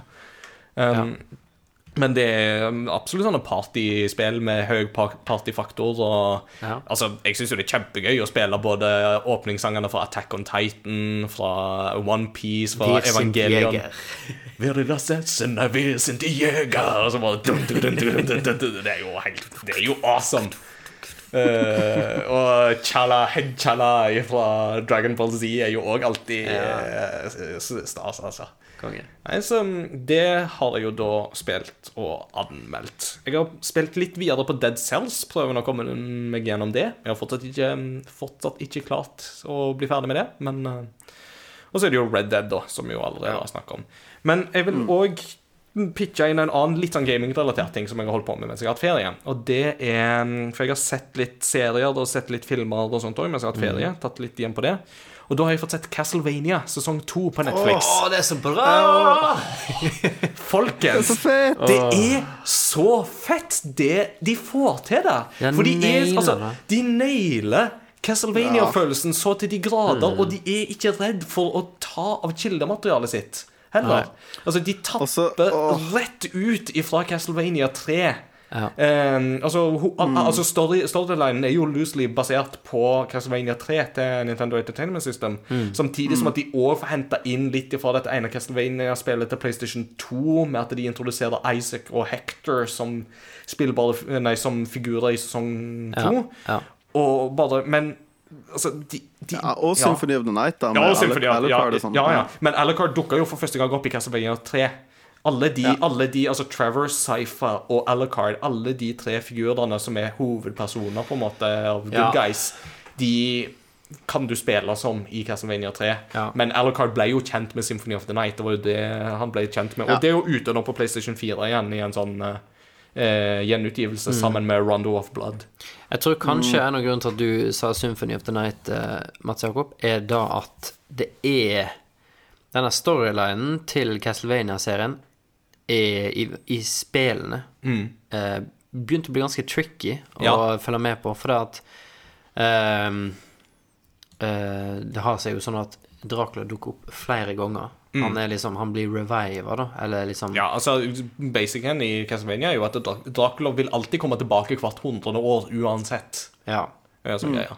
Så derfor Men, har du eh, han te- Alucard i Symphony of the Night, for at da er Dracula igjen på vei tilbake. Ja, ja, men jeg tenkte egentlig mest på det på grunn av fordi at eh, på en måte Utseendet på karakteren i serien er jo basert på åssen han ser ut i Sim of Night. Ja, det er veldig Ja. Med det lange, lange, lyse håret Ja. og liksom Ja, altså, eh, For de av våre lyttere som ikke kjenner til Castlevania For det, mm, Jeg har snakka litt om serien med et par, og de har jo nesten knapt hørt om serien på Netflix, og visste i alle fall ikke at det var basert på en spillserie. Um, men, men Castlevania er jo en av disse gamle seriene utgitt av Konami, som jo dessverre ikke gidder å lage spill lenger. Um, med, nå, Igorashi heter jo han som i utgangspunktet designa serien, som jo er en sånn gotisk Vampire Hunter-serie, med at du spiller stort sett som Belmont-familien. som kjemper mot Dracula, som jo dukker opp eh, Som sagt, om ikke annet hvert hundre år så dukker Dracula opp. Og da er det jo alltid at du må på en måte infiltrere slottet hans og slåss mot eh, vampyrer og spøkelser og skjeletter og andre Ja. typer monstre. Altså, han- er vel i seriene på en måte the ultimate evil, for, eh, Mm. for døden sjøl Ja. Er jo en av hans undersatte. Det er jo det, ikke sant? Altså, så Dracula er jo virkelig the big bad guy Ja. eh, i uh, Castlevania-spillene. Ofte så, så er vel nest siste boss er vel døden vel i flere av spillene. Mm, Veldig ofte. Ja. Uh, og det gøye er jo at uh, to av disse Belmont-ene, Simon, som jo var den første av de, og en til Jeg lurer på om det er ikke Trevor, men det er en av disse andre. Richter. Ja, dukker òg opp i Kommer til å være spillbare i Super Smash Bros. Så det er jo veldig gøy. Ja. Ja. Um, så er jo da greia òg med Castlevania var jo at i utgangspunktet så var det jo litt sånn plattformspill. Todimensjonale, gå fra A til B, litt sånn type. Men etter hvert, sånn som i Symphony of the Night, så fikk du da en mer sånn at de gikk i retning av samme retning som Metroid-spillene. Med at du hadde et veldig stort, åpent slott å utforske, men du ville alltid møte på hindre som du ikke kunne komme forbi fordi du hadde ikke riktig våpen eller riktig evne, så du må komme tilbake igjen dit seinere. ja. Derav uh, spilluttrykket Metroidvania. Metroidvania. Helt riktig. Eh, Så Det som jo er så bra med sesong to av Castlevania Netflix-serien, er jo hvordan de er i stand til å ta tre tiår med kildemateriale og anvende det inn i uh, inn i, inn, inn i TV-seriesjangeren på en utrolig god måte. Altså. Det er Rollefigurene er fantastisk bra bygd opp. Animasjonene er fantastiske. Eh, banteren eh, imellom disse rollefigurene, altså hvordan de på en måte driver på driver gjøn med hverandre og sånn fram og tilbake, er jo helt fantastisk til tider. Ja. Det er sånn som hvordan Trevor Belmont og Alucard bare liksom bare sånn Du er teit. Ja, du er ikke teit. Og så begynner de å le. uh, uh, sånn, eller hvordan sånn hun Ja, eller eh, hvordan hun Saifa òg bare litt sånn på en måte sånn pirker litt sånn borti Ja. de og, og sånn. Ja. Ja. Ja, men, og jeg synes akkurat den karakteren der òg er veldig kul. At hun liksom Det er gjennomført den der at hun har vært liksom del av et folk som på en måte er isolert og ditten og datten. At hun er veldig sånn barnslig og uh, mis, Ikke misforstår, men hun liksom Hun sier ting litt sånn rett ut og, og på en måte er litt sånn åpenbart litt sånn sosialt uh, awkward, da, fordi at hun har ikke liksom Hun har bare vært med sånne folk som Ja. holder seg for seg Ja, sjøl og driver bare på med det de driver, ja, driver bare på med det de driver på med. Ikke sant? Ja. Så, eh, så det er liksom Det er dybde i karakterene. Men det, det jeg falt mest for med den serien, er jo Er jo eh, ja, den der artstylen. At det, det ser ut som at det er eh, lagd på 80-tallet, Ja. syns jeg, da. Ja. Med liksom Iallfall med streken i figurene og sånn. Det er veldig sånn Mm. Det er veldig tydelig ja. håndtegna og li, eh, Selvfølgelig litt sånn som eh, vestlig animasjon var på den tida, da. At det Ja. var liksom inspirert av anime, men det var ikke anime. Nei, og det er jo det, ikke sant? Altså, Dette er jo en vestlig serie, så det er jo mer på en måte i den der eh, Folk må tenke mer på en måte likhetstrekk med Avatar, The Last Airbender, for eksempel, og sånt, i møte med dette her. Jeg tror at, eh, at frames Det er ganske få frames, egentlig, i sekundet. Og Ja. da tror jeg har veldig, får veldig også fram denne 80-tallsfølelsen. At de har liksom gått litt tilbake i tid på liksom, teknologien nesten òg, da. Og så er det jo òg Men altså òg hvordan Dracula som figur utvikler seg i sesong to. Du kommer veldig djupt i Draculas syke Ja. i sesong to. Mm. Litt medfølelse. Ja, men altså, det er Wow, altså. Det, jeg skal ikke spoile ting for folk, men altså, Nei. seriøst, ta oss og se dette her. For det er til sammen nå så er det tolv episoder. Hver episode er på 20-25 minutter. Dette kommer du deg gjennom ganske kjapt, og det Ja. er helt amazing. Eh, Og ja Nei, nei, jeg bare skyter inn at jeg syns Jeg, jeg tror jeg binger sesong eh, to på en og en halv dag. Og syns det var så sjukt spennende at jeg har brukt Jeg har sett seks episoder i en sånn YouTube-serie hvor jeg nå husker jeg ikke navnet på han med en gang, men da kan vi prøve å linke til. Eh, av en som har lagd liksom The History of Og så i hver episode så tar han for seg sånn to-tre Castlevania-spill. Men han gir alt det her kronologisk i hvordan verden er, er i liksom riktig rekkefølge, da. Ikke, Og ikke rekkefølge på spillene. Nei, det er jo lurt, tenker jeg, fordi de går jo litt fram og tilbake i tid. eh, sånn. og, og da Og hver sånn episode varer i ca. 50 minutter. Mm. Så jeg brukte sånn fem-seks timer for å være Castlevania Law. Og det, jeg, jeg tror at dette her det er veldig bra for Igodashi, som lagde Ja. jo serien i sin tid. Han har jo Ja. gått ut med Kickstarter og skal jo lage Bloodstained, som er et sånn Det, Ja, det er. Castlevania i alt bortsett fra navnet, som jo har planlagt om å komme ut til neste år. Og jeg tror at for han så er jo dette kjempebra reklame. Ja. Eh, Men jeg må også jeg, må, jeg må bare Ja, skyte inn før jeg på en måte glemmer det og alt. Eh, Du har jo en episk kampscene i sesong to. Og jeg fikk så chills da den kampscenen skulle begynne, for da begynner de til og med å spille Bloody Tears, som jo er et av disse eh, temaene fra Castlevania-serien. Så det var bare sånn For de som har spilt serien, så er det bare sånn I know this! Det, sånn, det, det gjør det så mye bedre, for at du skjønner dybden i det. Og det beste av alt er at noen har til og med funnet en wall chicken i, eh, i uh, serien.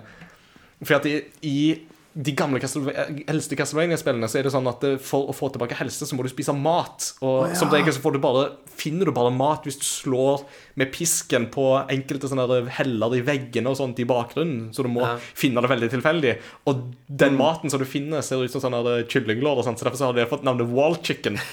så er det en sekvens i sesong to der det er en vegg som blir litt ødelagt, og da er det noen som har sett at det, Å, der er det et kyllinglår! Yes! Og fanservice. Konge. Jeg liker det. Men har noen av dere spilt den For det, uh, Bloodstain skulle jo komme ut eh, Ble jo Ja. kickstarta, kjempesuksess, og, så, og så ble det utsatt. Så sa de ja, vi må utsette spillet, men vi har lagd en 8-bit-versjon, ja, den som kom heter eh, eh, Curse of the Moon. Nei, jeg har ikke spilt den ennå, men jeg har veldig lyst å komme gjennom den før året om nå, altså. For Ja. nå er jeg Men veldig i den det- Det er veldig kult. Og det er jo veldig sånn homasj til de tre første Castlevania-spillene. Stille, Eh, Kult. Kanskje, ja, nesten kanskje mest treeren, for du liksom eh, Du på en måte ut, Du får et party, da, så du får flere spillere som du kan spille med, og de har forskjellige Mm. Sånn som du jo da er i Castlevania 3, med Trevor og Ja. Cypher og Alucard. Ja. Men det, det er ganske kort spill, ikke det? Eh, jeg ikke har ikke fullført det, men, men eh, det er jo litt sånn Ja, men det er, hvis du liker Castlevania, så er det liksom Det er jo basically Castlevania 3,5, på en måte. Ja. Ja. Cool. Så det var mine ting. Så, men før vi tar pause, Christian, så hadde du et spill som du ville pitche litt inn før pausen, som vil på en måte lede inn eh, dagens tema. ja. Uh, jeg er kanskje den eneste av oss tre som har et ganske sterkt forhold til Diablo-serien. Det kan stemme. Jeg, jeg, eh, for meg så er jo Blizzard først og fremst mer sånn Overwatch-ting. Så Diablo har jeg aldri helt på en måte klart å komme inn i. Nei. Eh, og mye av det er nok eh, barndommen. At jeg spilte veldig mye Diablo 2 expansion packen Lords of Destruction. Veldig mye med mitt søskenbarn Helge. Shout out. Um, og har da selvfølgelig òg gleder meg masse til treeren. Brukte mange Altfor mange timer med i Diablo 3 og expansion packen. Um, kom nettopp ut på Switch. Har ikke tenkt å kjøpe det der òg. men nå er det jo seks år siden Ja. Diablo 3 kom ut. ja. Og en går jo kanskje lei av et spill etter seks år hvis det ikke har nok utvikling. Så har jeg følt at jeg har hatt et sånn Diablo-hull i eh, spill eh, I spillsjela. Um, og da har jeg testa et sånn uh, go to Diablo eh, Klone. eh, alternativ, da. Som mange sier er en spirituell oppfølger til Diablo 2, som heter Path of Exile. Ja. Har testa det litt. Grann. Tydeligvis ikke kom nok inn i det, for det var liksom ikke helt min greie. Er det Obsidian som har laga det? Eh, nei, Nei. det tror jeg ikke. Nei. Men det er, det er et free to play-spill, faktisk. Eh, men eh, har testa litt, ikke kommet helt inn ja. Men så her om dagen, så tilfeldig på YouTube, så kom jeg over en gameplay-video av et spill som er i alfa, early access. Du kan kjøpe det inn i den early accessen for en hundrelapp, tror jeg. Og det heter Volken Lords of Mayhem, eller W-O-L-C-E-N. Og da er sammenligna med Diablo 3 og Path of Exiles, så ser det virkelig ut som en sånn neste generasjons Diablo-aktig spill. Ja. For uh, bare en sånn grafisk, da, så er det bygd i CryEngine. ja. som uh, er da laga av Crytek. CryEngine uh, Ja, brukt i Crisis-spillene. Var brukt ganske lenge i uh, Star Citizen, før de skifta motor. Så det, det er pent. Veldig, veldig vakkert. Um, Grinding Gear Games heter de som har laga Path of Exile. ja, ikke sant. Uh, og har, jeg har ikke så mange timer i uh, Vulcan Lords of Mayhem ennå, men allerede så føles det Så er liksom den der eh, initielle følelsen og det kicket er mye sterkere enn jeg liksom Enn jeg følte i det hele tatt med Path of Exile. Så det er veldig Hvis flere der ute har et sånn Diablo 3 eller ikke Diablo 3, men Diablo Hull, og håpte at eh, Ja. Hadde håpet at Blizzard eh, kanskje skulle komme med en ny expansion eller vise litt om Diablo 4 på BlizzCon. Så uh, calm your nerves og test ut uh, Sjekk det ut på YouTube, og test ut uh, foreløpig veldig billig. Ja. Volken, Lords of Vulcan Mayhem. Lords altså. of Mayhem. Og det ledes jo litt inn på eh, dagens tema, som vi skal komme litt inn på etter, eller begynner å snakke om etter pausen. Og det er jo at um, hvis dere følge litt med i, i spillmedia, så har du skjønt at uh, det var en ting nå forrige helg, var det vel? Ja, det var nå i helga. Ja. Eh, i, altså, når eh, folk hører på på mandag, så blir det da Ja, for ei ikke uke siden. Ja, ja, uh, så var jo BlizzCon, som jo er den her store årlige eventen til Blizzard Entertainment, som Ja. jo lager Warcraft, Starcraft, Diablo, Overwatch, Heroes of the Storm osv. Ja. Eh, og eh, da hadde Ja, skal vi, skal vi fortelle hva som skjedde? Skal Ja, altså, la, oss, la oss fortelle. Altså, det, Ja. Folk har jo lenge ønska Diablo 4, og de var oppe på scenen og presenterte noe som da folk virkelig håpte skulle være Diablo 4. Og så viser det seg at nei, det er et Diablo-spill til mobiltelefon. Ja. Og hva som skjedde etterpå, kan vi ta etter pausen. Det kan vi, vet Det du. er en cliffhanger. Det, Hvordan så- reagerte folk på Mm, hvordan reagerte folk på dette? Det får du vite mer om etter disse små innslagene her.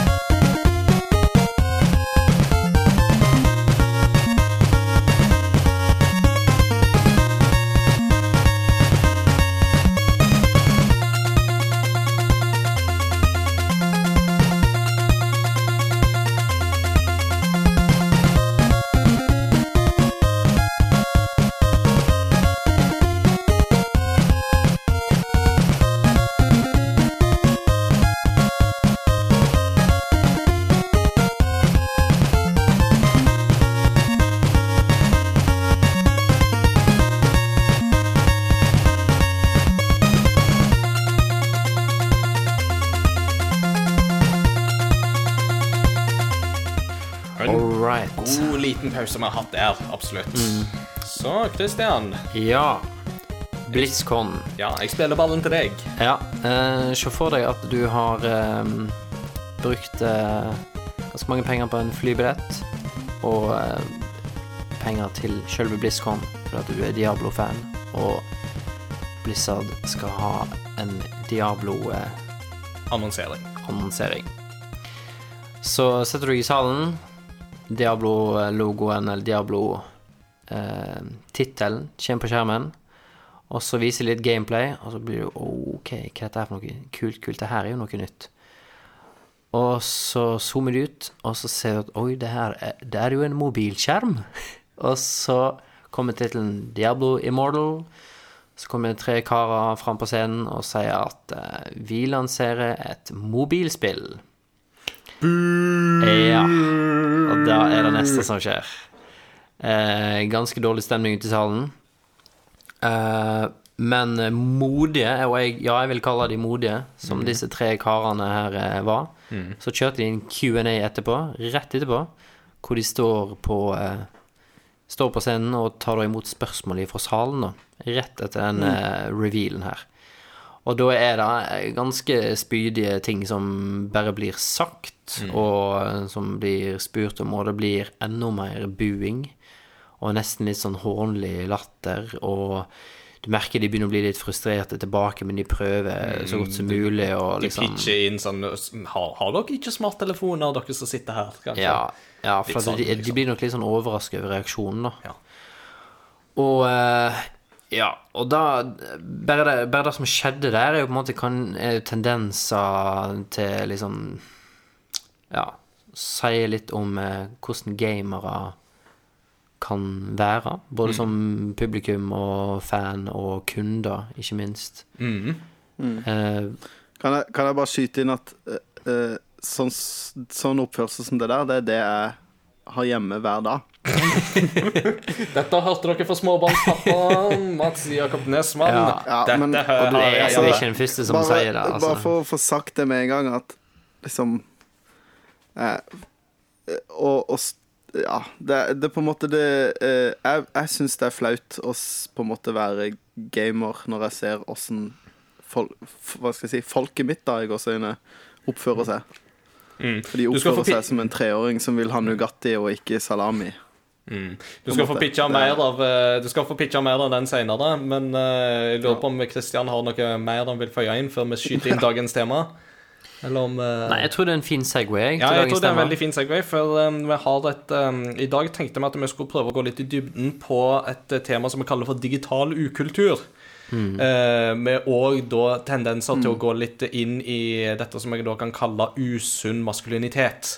Eh, eh, dagens tema er delvis pitcha av eh, en av våre lyttere, Kjetil Austad Endal. Hei til deg, Kjetil. Veldig bra. Hei, Eh, Kjetil.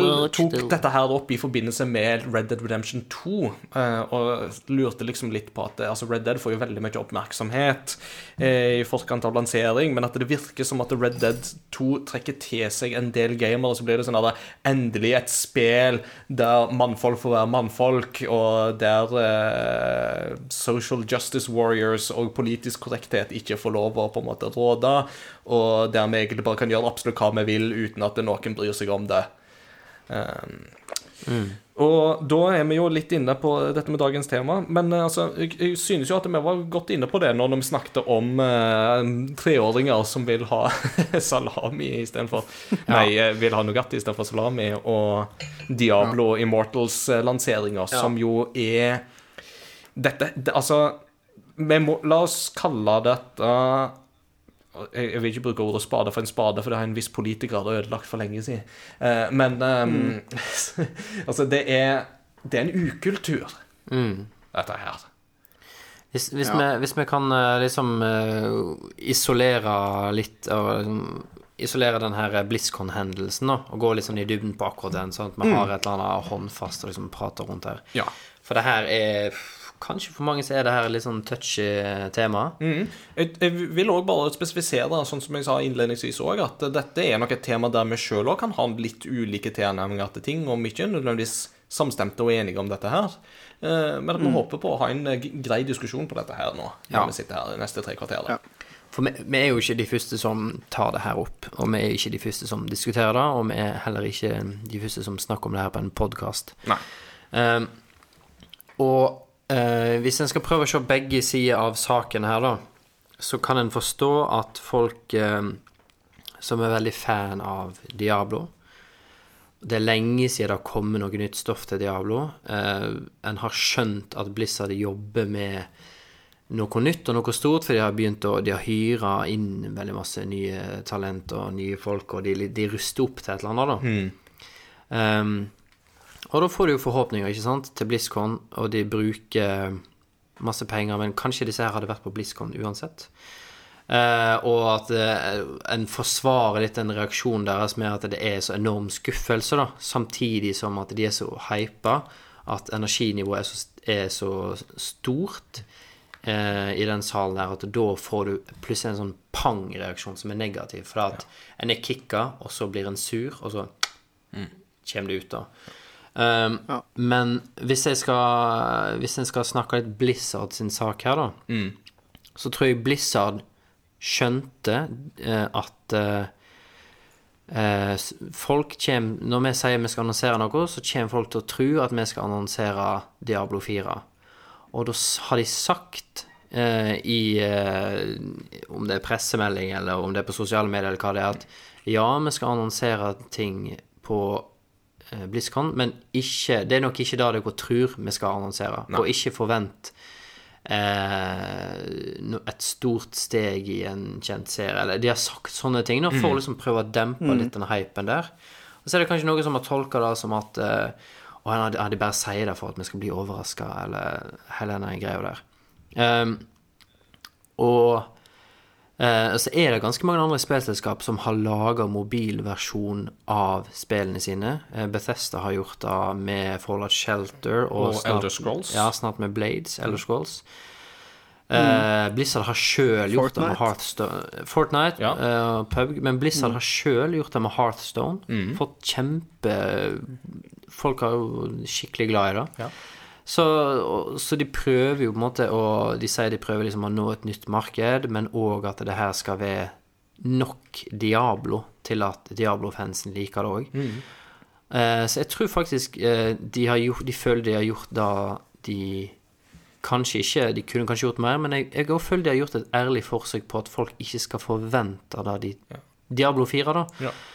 Og når den der vanvittige eh, jeg, jeg jeg liker å kalle det eh, eh, reaksjonell oppførsel. Ja. At du med en gang du kjenner på noe, så bare spruter du det Spruter ut av deg. altså, du, du, du, liksom, du blir sur, og så lar du folk få vite med en gang at 'nå er jeg pissed', istedenfor å tenke Istedenfor å kjøre det her noen ganger gjennom deg sjøl, og så tenke at eh, OK, ja, det her syns jeg var kjipt, men eh, OK, og så lande litt på bakken da, før du går fram i mikrofonen og skal spørre Blizzard om eh, et Ja, eller annet rundt det spillet her, eller hva du velger å rope ut i salen, eller det blir litt sånn Ja. Ja. Men der er det litt sånn eh, eh, eh, Hva skal jeg si? Som eh, lærer og som eh, Hva skal jeg si? Men samfunnsborger, så eh,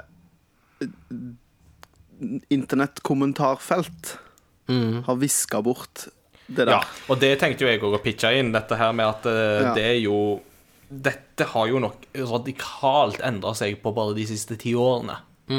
Ja, og jeg opplever det i Jeg har opplevd det i klasserommet, og opplever det Opplevd det på ja, andre fora, og ikke bare i klasserommet. Det er ikke bare barn som er sånn, men at, at det er liksom Nei, En av verdens mektigste menn er jo sånn. Ja, ja, ikke sant? At det er bare sånn ah, Jeg bare sier det jeg tenker, og jeg blir sur, og, og, og, og det er veldig den derre uh, uh, postmodernistiske jeget, da. At ikke sant? Mm. det handler bare om mine følelser og mine behov. ja, Eh, men og det er det som Og det er derfor altså- jeg blir sånn så, Ja, sorry. Nei, jeg, jeg skal bare kommentere det du sier før du går videre. At uh, Mm. ja, i et, klass, i, i et klasserom, den ser jeg, men da er det, da er det barn det er snakk om. Mm. Og eh, internettkommentarer, så slipper folk å liksom vise ansiktet sitt, og de kan ofte ha et alias eller være anonyme, da. Eller en avatar eller et eller annet som de gjemmer seg bak.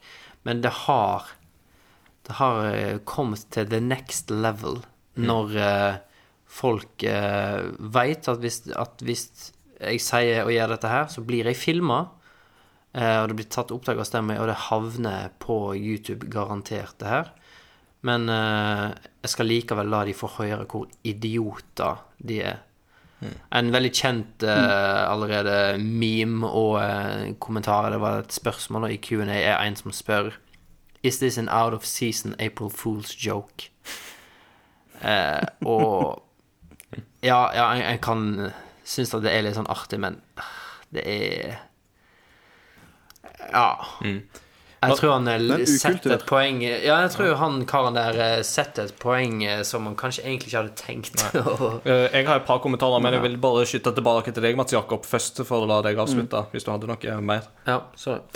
Ja, nei, jeg bare skulle si det at, at jeg tror eh, Akkurat i den Blizzard-situasjonen, eller den BlizzCon-situasjonen, så tror jeg at det handler om at eh, For å være litt eh, eh, stigmatiserende mot eh, det jeg i stad beskrev som mitt eget folk eh, Men Mm. jeg tenker at en person som eh, er så involvert i Ikke bare i spill, men i Blizzard-spill, at du drar til en, Blizz, en convention bare for Blizzard-spill, mm. bruker mye tid på spill og er vant med å sitte mye foran skjerm, og at jeg, liksom, det er på en måte det vanlige fora, det du beskrev i stad, hvor du på en måte kan ha et alias, eller du kan sitte og gjemme deg bak en skjerm.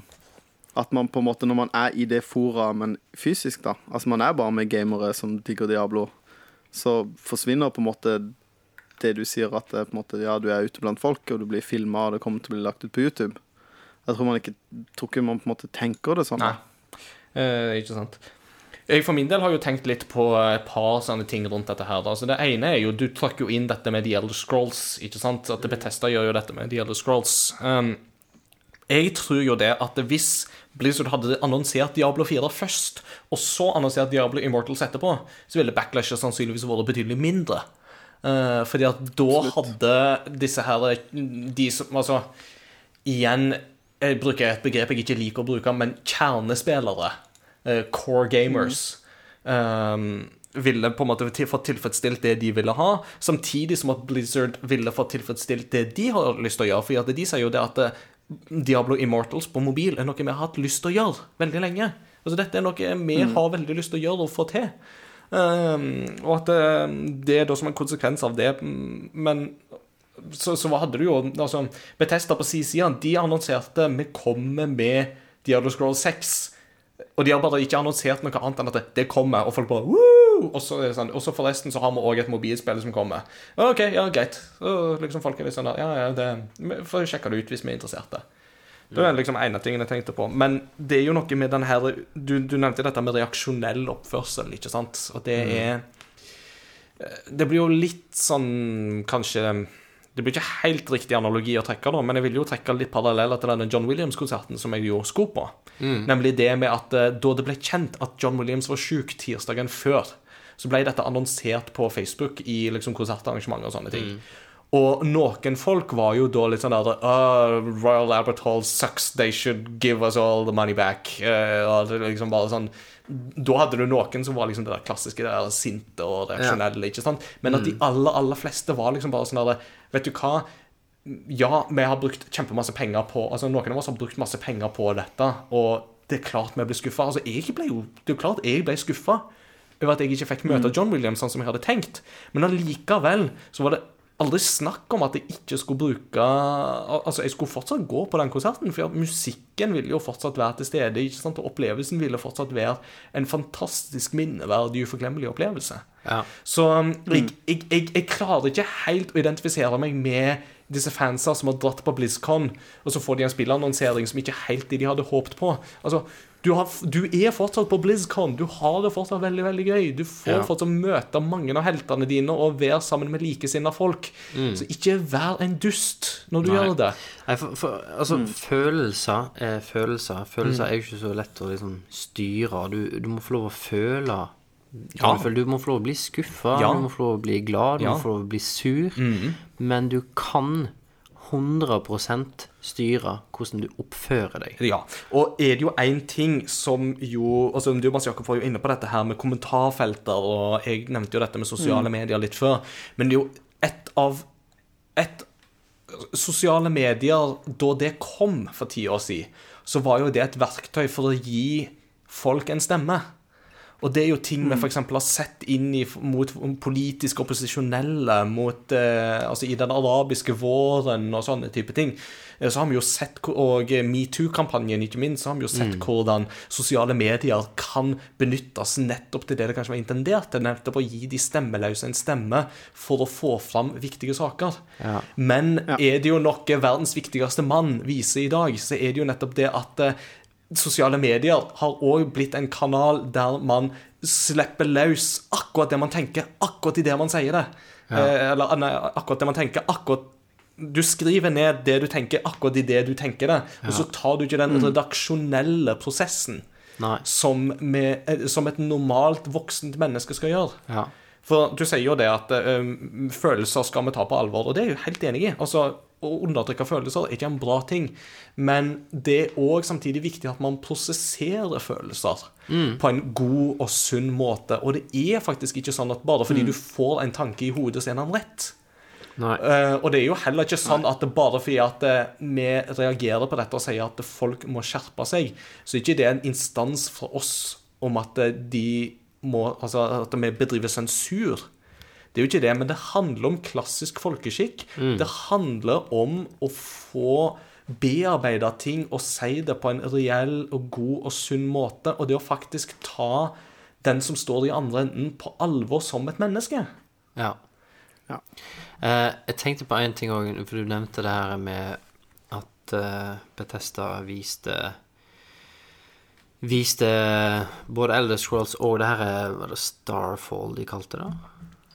Det sci-fi-spillet. Ja, det er vel Starfall eller Starfield, eh, Ja. noe i den duren der. Men begge de to trailerne der var jo samme greia. Ja, det er jo bare logoen. Ja.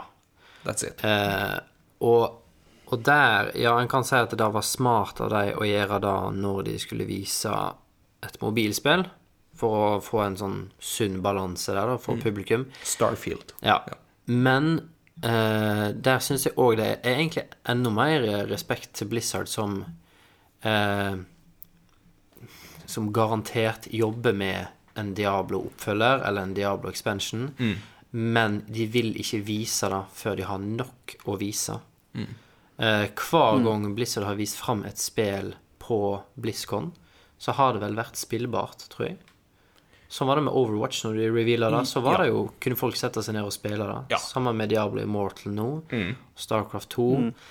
Eh, og hørte i, på en podkast tidligere i dag at eh, at eh, det var visst originalt planlagt at de skulle vise Diablo 4, men så hadde de trukket det fordi de følte at eh, det var for tidlig. De har ikke lyst til liksom, å vise et spill, som mm. folk vente fem år før Nei, de får det. og det er en, en bra ting som Blizzard alltid har Ja. gjort, er at de lanserer ikke ting, de viser ikke ting før de er fornøyde. Ja. Uansett hvor lang tid det tar. De skal være 100% fornøyd med det, de, det produktet de vil presentere, før de viser det, og før de lanserer det. Ja. Det skal de ha respekt for. ja. Men det er liksom Det er, det er flere ting med den der eh, Hva skal jeg si re Reaksjonen fra publikum òg som er på en måte irriterende for meg, da. Mm. Mm. det ene er jo at Diablo 2 kom i 2001 Ein, eller ja. et eller annet sånt òg. Ja, og så kom Diablo 3 i 2013. ja. Mm. Er det tolv, de, det var Ja, tolv 12, år, og så nå har det 13, gått ja. seks år, og så klikker de fordi at de ikke får det. Eller sånn Mm. eh, Det på en måte Jeg skjønner jo at hvis du er sykt hypa, så blir du irritert, på en måte. Ja, men det er så ironisk Men- men- når Blizzard men det- går ut og sier 'ikke bli hypa'. Ja, og, og, og, ja, og nok en gang en ting som er frustrerende, da. Men også det at de liksom De, de, de reagerer som om at på en måte Å ja, dere har lagd dette her istedenfor. Ja, det er litt sånn, de, ja, har jo, sant? de har jo ikke gjort det. Det er jo ikke, det er jo ikke sånn ah, vi gir dere, ikke, Blizz- dere får ikke Diablo 4, dere får dette. Det, er jo ikke det, det var ikke det som skjedde heller, men de reagerer som at Ja, men da får jeg det ikke, da! Mm. Eh, og, så, og så er det òg en sånn barnslig ja. eh, Litt sånn der, ja, lite gjennomtenkt måte å reagere Ja. på. Og så eh, Mobilspillmarkedet er jo ikke størst i Vesten. Nei, det er jo størst i Kina og Asia generelt. Mm. Ja, ikke sant? Og det er jo Og det er mange land som ikke er så eh, Hvor folk ikke har like store ressurser, men de fleste har en telefon. Mm. Eh, altså land med hvor fattige som bor i, i, i- hus som nesten ikke kan stå, kan allikevel ha en smarttelefon. Altså sånn, det, det er et marked som på en måte vi i Vesten ikke tenker at det er så stort som det er, da, fordi Ja. vi spiller mobilspill når vi sitter på do. Ja, nei det er absolutt et poeng der. Det er litt sånn annenrangs hos oss, og så er det på en måte ikke det på verdensbasis. Nei. Veldig, veldig godt poeng. Eh, Og det er litt sånn Ja, da, det er også en grunn til å bli litt sånn irritert over de reaksjonene, for det, det er veld, veldig sånn Men hva med meg? Ja, det er jo det. Du er veldig sjølsentrert. Men Christian eh, ja, du, for, for nå, nå begynner vi liksom å touche inn på noe annet som Som jeg føler folk kanskje ikke ennå har begynt å prate om på sånn Ja, større basis, men som jeg sjøl har tenkt en del på og snakka med med masse med kona mi om det her. Mm. Med, det er en sånn ting som er liksom nesten Ja, kan synes er litt sånn blitt litt skeivt i dagens samfunn, da. Og da er det at folk mm. føler seg veldig entitled. Eh, Jeg vet ikke hva er et bra norsk ord for Ja, altså berettiga. Ja. Du er berettiga. Du, Ja. du skal ha, du skal bli servert. Du er berettiga. Liksom, verden er til for deg, og verden sentrerer seg rundt deg. Og det er ikke den tanken om Men hva kan jeg gjøre for andre? Hva Nei. kan jeg gjøre for min neste eller min sidemann, eller for at for at verden skal bli et bedre sted. Og, og da Mm. Det er jeg, meg og mitt. Ja, og da føler jeg er òg en del av den psyken som ligger bak den reaksjonen her, da. Ja, ja, ja, helt klart. fordi at det, det, det, det virker jo definitivt å være en sånn på en måte med at fordi jeg ikke får tilfredsstilt min kløe for det jeg vil ha akkurat nå, så har jeg alle rett i verden til å oppføre meg så elendig jeg bare vil. Fordi at det, det er fordi jeg har brukt penger på å komme på dette arrangementet. Eh, Selv om arrangøren har sagt at ikke forvent det du tror du skal forvente. Så, men, men, men det er jo noe som du sier der, ikke sant, med at eh, i en egosentristisk tid, som vi jo sannsynlig langt på vei lever i, ikke sant, der fokuset på individet er såpass stort, så er dette her veldig Altså, det, det, det er veldig påfallende, syns jeg, at dette finner sted på en europeisk messe. Eller, ikke på en europeisk messe, men på en vestlig messe. For at eh, i en østlig kontekst så ville du nok ikke sett den samme type reaksjon på samme måte. For at land som Japan, eksempel, har en mye mer kollektivistisk tankegang. Altså, der er fokuset mer samfunnets vel, eh, ve og vel. Altså det er helhetens ve og vel og det beste, eh, beste som er i fokus. Eh, Om, og om det å være nyttig samfunnsborger og det å ikke være til bry for sine naboer, f.eks. med å være på en måte i, gi tilbake til samfunnet osv., spiller en mye mer sentral rolle enn det det gjør her hos oss. Der individet, jeg, mitt, jeg skal ha, eh, som jo igjen på en måte blir på en måte også synlig i vestlig politikk i stadig større grad. Så er det jo en, men det er jo en litt sånn høflighetsgreie òg. Eller sånn Ja. Hadde det vært min sønn som hadde stått der og, og, og liksom var dust med de som lager et spill som du liker, så hadde jeg vært litt sånn jeg hadde, vet ikke, jeg hadde jo hadde på en måte Jeg skal ikke si at jeg hadde skamma meg, men på en måte hadde jeg syntes det var litt flaut. Du hadde nok irettesatt han litt og sagt at sånn snakker vi ikke til folk. Nei, nei, det er sånn Ja, det står for lange noe, liksom. Ja. Og at det på en måte Du skylder meg noe. Mm. At det er liksom den innstillinga, da. At jeg kom her fordi at jeg ville ha noe, og så har du ikke det til meg, og derfor så skylder du meg noe. Nei, du, du, du kom med et eller annet, men uh, det var ikke akkurat det jeg ville ha. Hvordan Ja, våger du? godt. Det er sånn, ja. Og, og igjen så er det jo dette her med internettanonymitet, ikke sant, som har på en måte kanskje skapt den på en måte kulturen der, og som jo òg ser absolutt til stede i gamingsfæren. På, ma på mange måter kan vi jo nesten si at det var nesten til stede i gamingsfæren nettopp før det gikk videre til mer på en måte større arenaer. Det er jo, det er jo Ja, ja. folk som har påpekt at det politiske landskapet vi ser f.eks. i USA i dag, der du har på en måte veldig dette her med veldig splitta fraksjoner, og der du har veldig sterke konspirasjonstanker, Mm. for eksempel, har veldig klare røtter tilbake til Gamergate, som jo var den her eh, tanken om holdt jeg på å si, nærmest en sånn spill, en spillmediumskonspirasjon som jo dukka opp rundt 2012.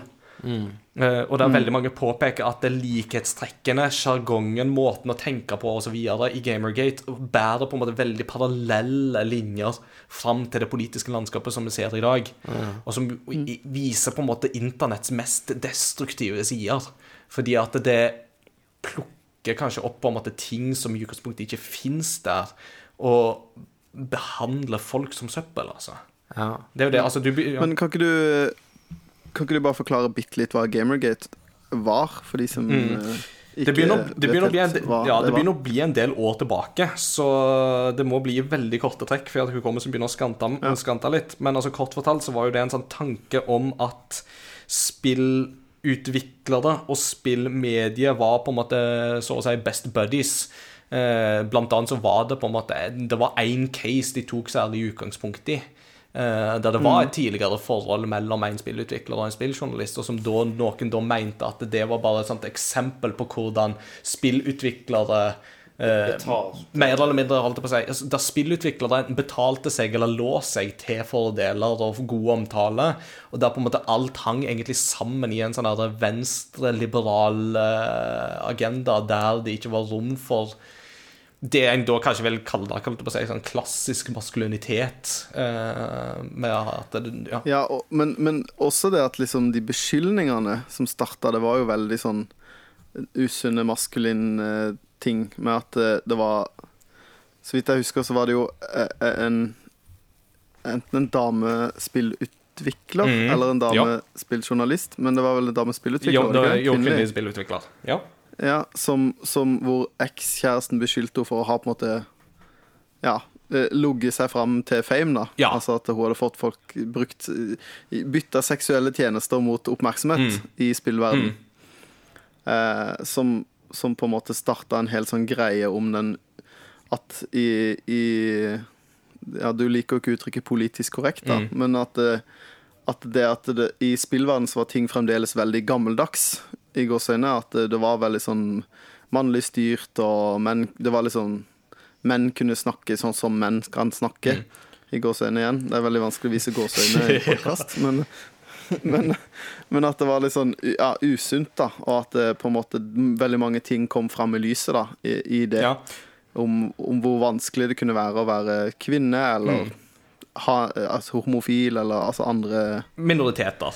Ikke sant? Ja. Ja. Men samtidig da med at det på en måte den reaksjonære øh, Altså reaksjonene som da kommer tilbake igjen nå ifra eh, de som gjerne blir på en måte sinte i sånne anledninger, som jo veldig ofte statistisk sett er hvite menn mellom 25 og 40.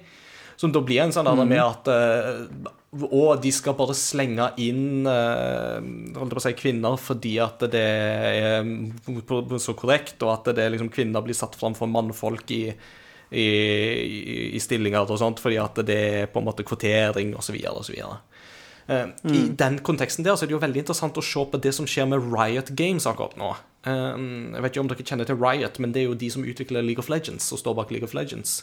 Um, og For tre måneder siden så hadde Kotaku hadde en veldig bra dybdegående artikkel der de hadde gått veldig i dybden på eh, businessstrukturen i Riot Games, og kommet fram til at det er en sånn Altså, gjennom år så har det vært på en måte en sånn bro-culture i Riot Games, der 80% av de ansatte har vært menn. Ansettelser har på en måte hatt veldig fokus på at de er i hermetegn core gamers, som da betydde at de spilte masse FPS, eh, ikke frames per second, men first person shooter games.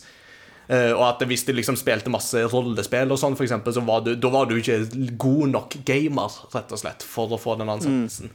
Men òg da med type mannssjåvinistisk snakk eh, og oppførsel, og òg hvordan da kvinner i Riot Games har på en måte blitt forbigått ganske mange ganger. Eh, Og hvordan stillinger de har overtatt for andre, så har ikke de fått kompensasjonen som den stillinga skulle ha trengtes.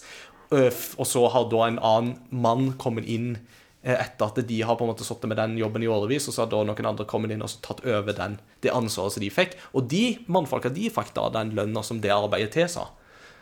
Um, Så nå er jo det blitt et eh, søksmål, altså et, eh, et stort søksmål fra tidligere utviklere hos Riot Games, som da, som en konsekvens av denne artikkelen som eh, Kotaku skrev, eh, så har de da gått til sak mot Riot Games eh, for rett og slett å holde Altså eh, bare for, for å få tilbake Altså for å få de pengene de egentlig skulle hatt, lønna de skulle hatt, kompensasjon for det, men òg bare for å statuere at eh, dette her er en kultur som faktisk ikke er grei, fordi den tilsidesetter eh, noen uten grunn.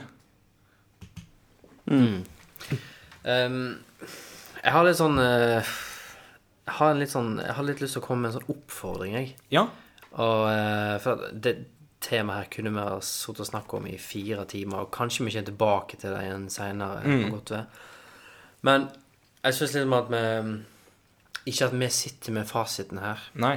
i det hele tatt, men, men en ting jeg har tenkt litt på eh, Jeg satt og skrev litt her nå mens vi prata. Ja, veldig bra.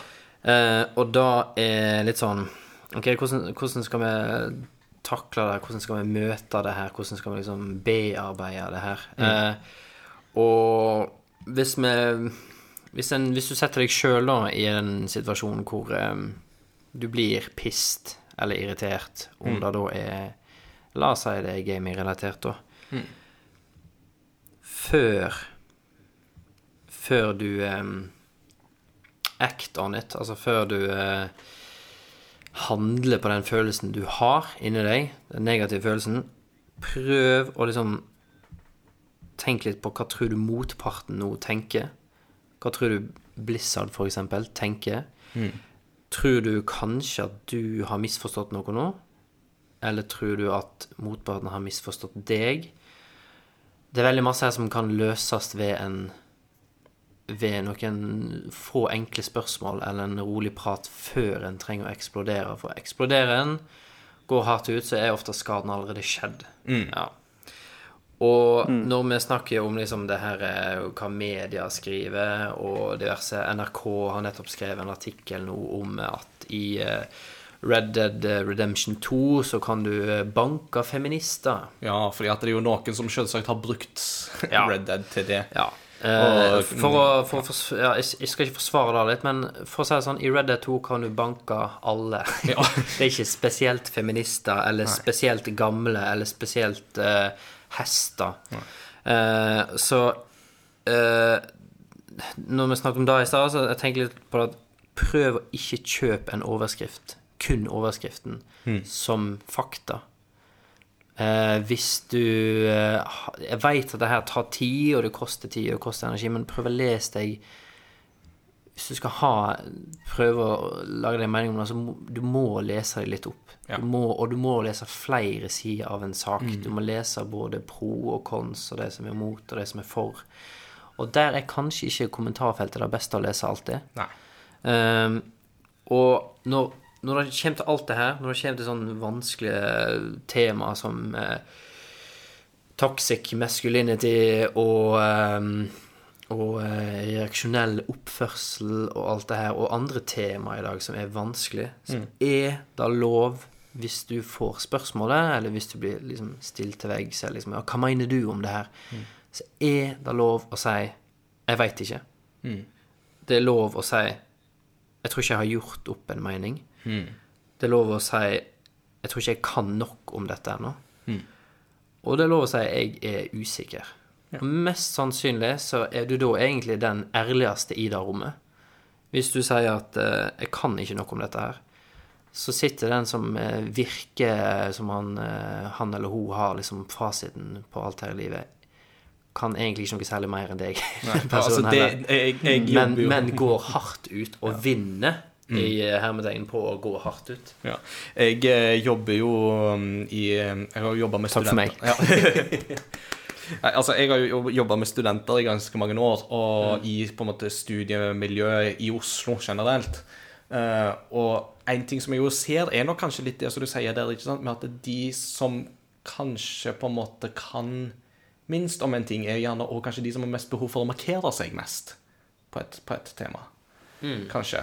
Eh, og at det er noe med Men etter hvert som de på en måte får på en måte komme litt inn i materien og sånt, så får de på en måte et, en litt mer holdt på å si, en, Man får tråkkes litt tilbake og kan på en måte ta en litt mer sånn profesjonell distanse til det og faktisk på en måte bearbeide informasjonen om. Mm. og, og det er jo det jeg pleier jo å si det til studenter, at eh, det du lærer som student, det er ikke nødvendigvis først og fremst masse fakta og kunnskap om ting, men det du lærer deg, det er hvordan du skal bearbeide kildematerialet. Du, hvordan Ja. du skal bearbeide deg stoff. Um, Det er jo det en masteravhandling viser, f.eks. Det at du har skrevet en masteravhandling, eh, da er det ikke først og fremst det at du kan masse om C.S. Lewis og Tolkien, som jo jeg skrev om. Det er ikke Ja. det den først og fremst viser, selv om jeg syns det er kjempegøy å snakke om. Eh, Men det viser at en er i stand til å sette seg ned med materie, behandle det kildekritisk, jobbe aktivt med det, osv. Og, Mm. og jeg tror jo derfor på det at eh, noe av det viktigste vi lærer vekk i det, informasjonsalderen i det 21. århundre, Mm. er nettopp kildekritikk. Hvordan folk skal imøtekomme eh, materiale og stoff.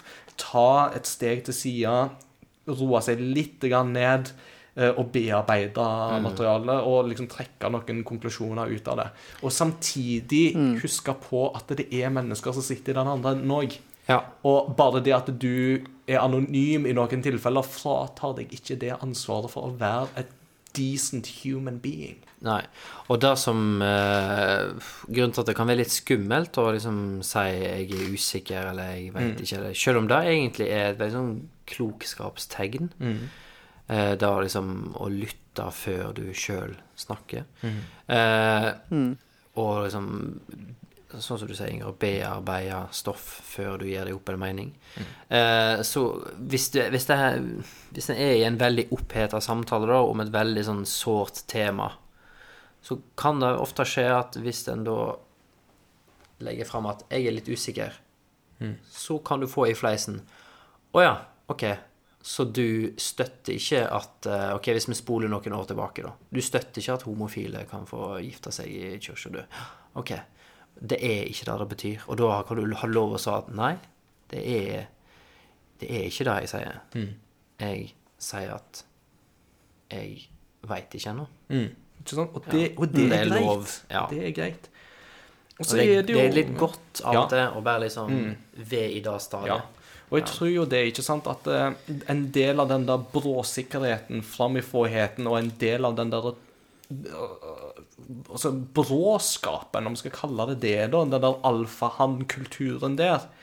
Altså, det er noen usunne ting der som en rett og slett som samfunn må ta litt oppgjør med, fordi at det er vi har på en måte altså Etter hvert som stadig flere av oss, av minoriteter iblant oss har fått lov å komme mer fram og fortalt sine historier om ting, så, så skjønner vi i stadig større grad at en alfahann-kultur er ikke en god kultur, fordi at den brøyter over litt for mange andre eh, på sin vei.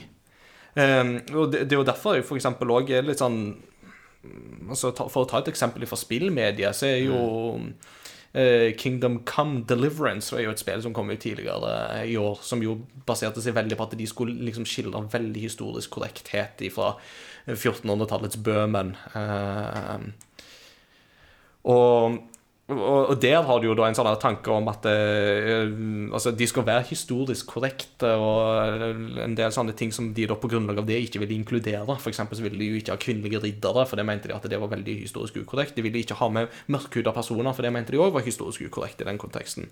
Selv om sistnevnte er jo ikke historisk ukorrekt, for sånn som maurere, for eksempel, altså en type arabiske folkeslag, var jo til stede i de områdene der som minoriteter, men de var jo der fortsatt likevel. Mm. Men òg da, i liksom denne her pakken av historisk korrekthet, så tilbyr òg spillet mulighet for at har du lite helse, har du lite overskudd og sånt, gå på et bordell, ligg med en prostituert, og så får du helse tilbake igjen etterpå.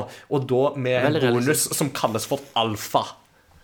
Mm. Og det er den der med at da, da er det den der alfahann-kulturen som plutselig på en måte får lov å være en del av det, ikke sant? uten å ta på en måte en kritisk distanse til det, eller noen ting. Eh, Det er jo en sånn må på en måte snakkes litt om, da, tenker jeg. Ja, og det er litt sånn For det første, lol. Mm. Uh, for det andre så er det litt sånn uh, Vi snakka jo bitte litt før vi spilte inn nå. og Da nevnte jeg um, uh, eh, Nå har jeg glemt hva det heter for noe. Uh, Duke Nukem Forever. Ja. eh, som på mange måter er et ganske usmakelig Mm. spill. Men, men der er jo også poenget at det er et usmakelig Mm. spill. At Duke Nukem er en sånn eh, ekstrem versjon av en alfahann eh, som er på en måte litt sånn uspiselig antihero, på en måte. Mm. Eh, men allikevel, det er jo ikke et spill Hvis du på en måte har hva skal jeg si, beina planta litt i, i det vi snakker om nå, da, så er jo ikke det et spill som er kult. Nei. Men så er det jo de menneskene som møter det, som syns at det er dritkult. Og som du, du, ja. Sånn endelig. Og Ja. det har vi også snakka om at vi har ønska å snakke litt om, og at det liksom endelig kan jeg få lov til. Her kan jeg gjøre Her er det på en måte lagt opp til at jeg kan gjøre noe som jeg ikke får lov til i samfunnet, Det som plutselig ikke er greit, da. Å være alfa og liksom eh, Ja, tenk at alle Mange er under deg, og liksom at eh, Og det er jo det der med kontekst ikke sant, som er utrolig avgjørende. For at det er sånn som, som du sier, altså Kingdom Come er Kingdom Come Deliverance er et spill som prøver å ta seg sjøl veldig seriøst. Duke Nukem er ikke det. Eh, og, og der ligger det en liten forskjell, altså selv om jeg ikke er noen fan av Duke Nukem-humoren og den der den greia der. Og det er jo litt det samme på en måte kjenner liksom litt fra actionfilmmiljøet òg. Liksom, altså, du har Arnold-filmene og disse her fra 80-tallet. Og så har du liksom The Expendables, som jo på en måte tapper litt inn i det igjen og tar en litt sånn ironisk sjøldistanse til det. ikke sant? Og altså, for all del, jeg, jeg, jeg storkoser meg når jeg ser en del Arnold Schwarzenegger-filmer.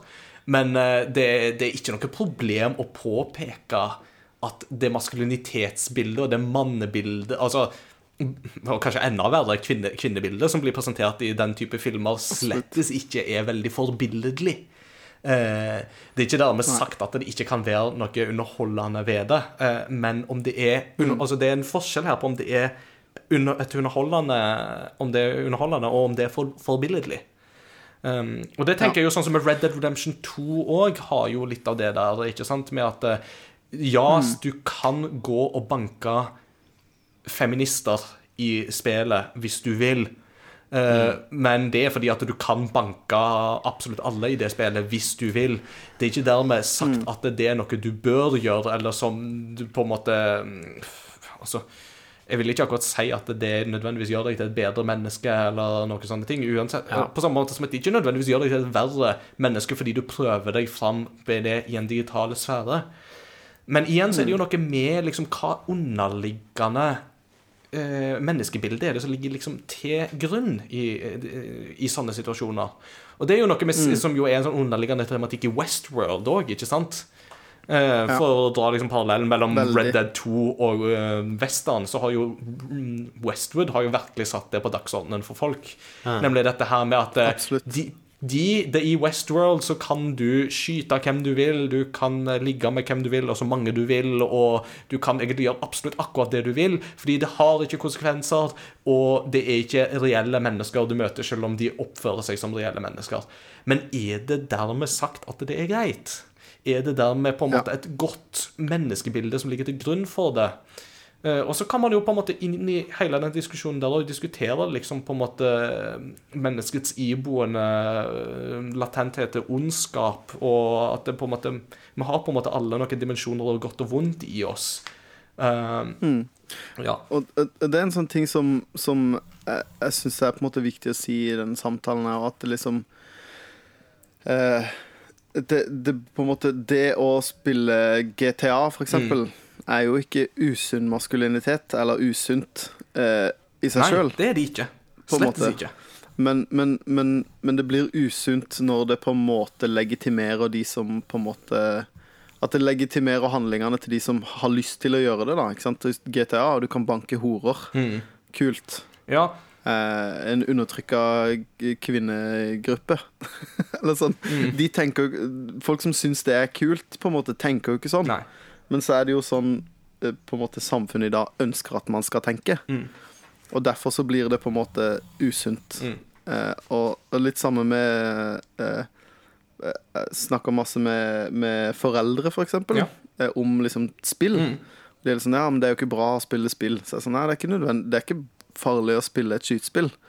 Men, men eh, alle blir ikke en terrorist av å spille et skytespill. Men, men, men for de som det på en måte er Hva skal jeg si? Er litt sånn Jeg jeg vil ikke si risikogrupper, da, men de som er litt sånn eh, har tanker som gjør at det er kult, om at det er veldig kult, da er det plutselig farlig. Og det er jo Så det er jo ikke spillet i nei, seg sjøl. Nei, ikke sant. Og det er jo òg en tematikk som vi må komme tilbake igjen til en annen gang, nemlig dette her med holdt på å Mm, si, spill og vold og liksom den koblinga der og sånt. Jeg tror det kortversjonen der blir jo i denne omgang med at eh, i, Altså, det, det Spill i seg sjøl er en farlig greie. Uh, som Men det skaper nei, ikke vold. Nei, det gjør jo ikke det. ikke sant? Altså, hadde det vært tilfellet, så hadde Japan vært et av verdens mest voldelige land. Eh, Så det er noen sånne veldig kjappe anekdotiske bevis som jeg kan trekke der, fordi at eh, du har folk som foretar skolemassakrer i USA, så er det veldig ofte at du på en måte ser at de er, har eh, hatt kobling til dataspill. Ja, OK, men det er ganske mange andre ting de har til felles òg, nemlig det at de har hatt mentale problem, de har hatt lett tilgang på våpen, de har hatt omsorgssvikt, de osv., osv. Ja, og, Og, igjen, og, ja, og igjen da en, en, en, en sånn eksponering for usunn maskulinitet. Eh, som på en måte har blitt på en måte deres katalysator. Og igjen da en sånn, sånn right of entitlement, nemlig sånn at jeg har rett på å bli på, på å bli eh, liksom oppvarta og servert til, og at det, det, det, det, er samf det er samfunnets feil, på en måte. Ja, og skal du Ja, og det var litt det jeg var inne på i stad, med Når jeg eh, snakka ned min egen eh, gjeng. Men litt det der Hvis du blir liksom sultefòra på sosial kontakt, og den sosiale kontakten du får, er gjennom spill og kommentarfelter, så mister du jo et sånn mellommenneskelig ledd i hele pakka. Ja, klart det.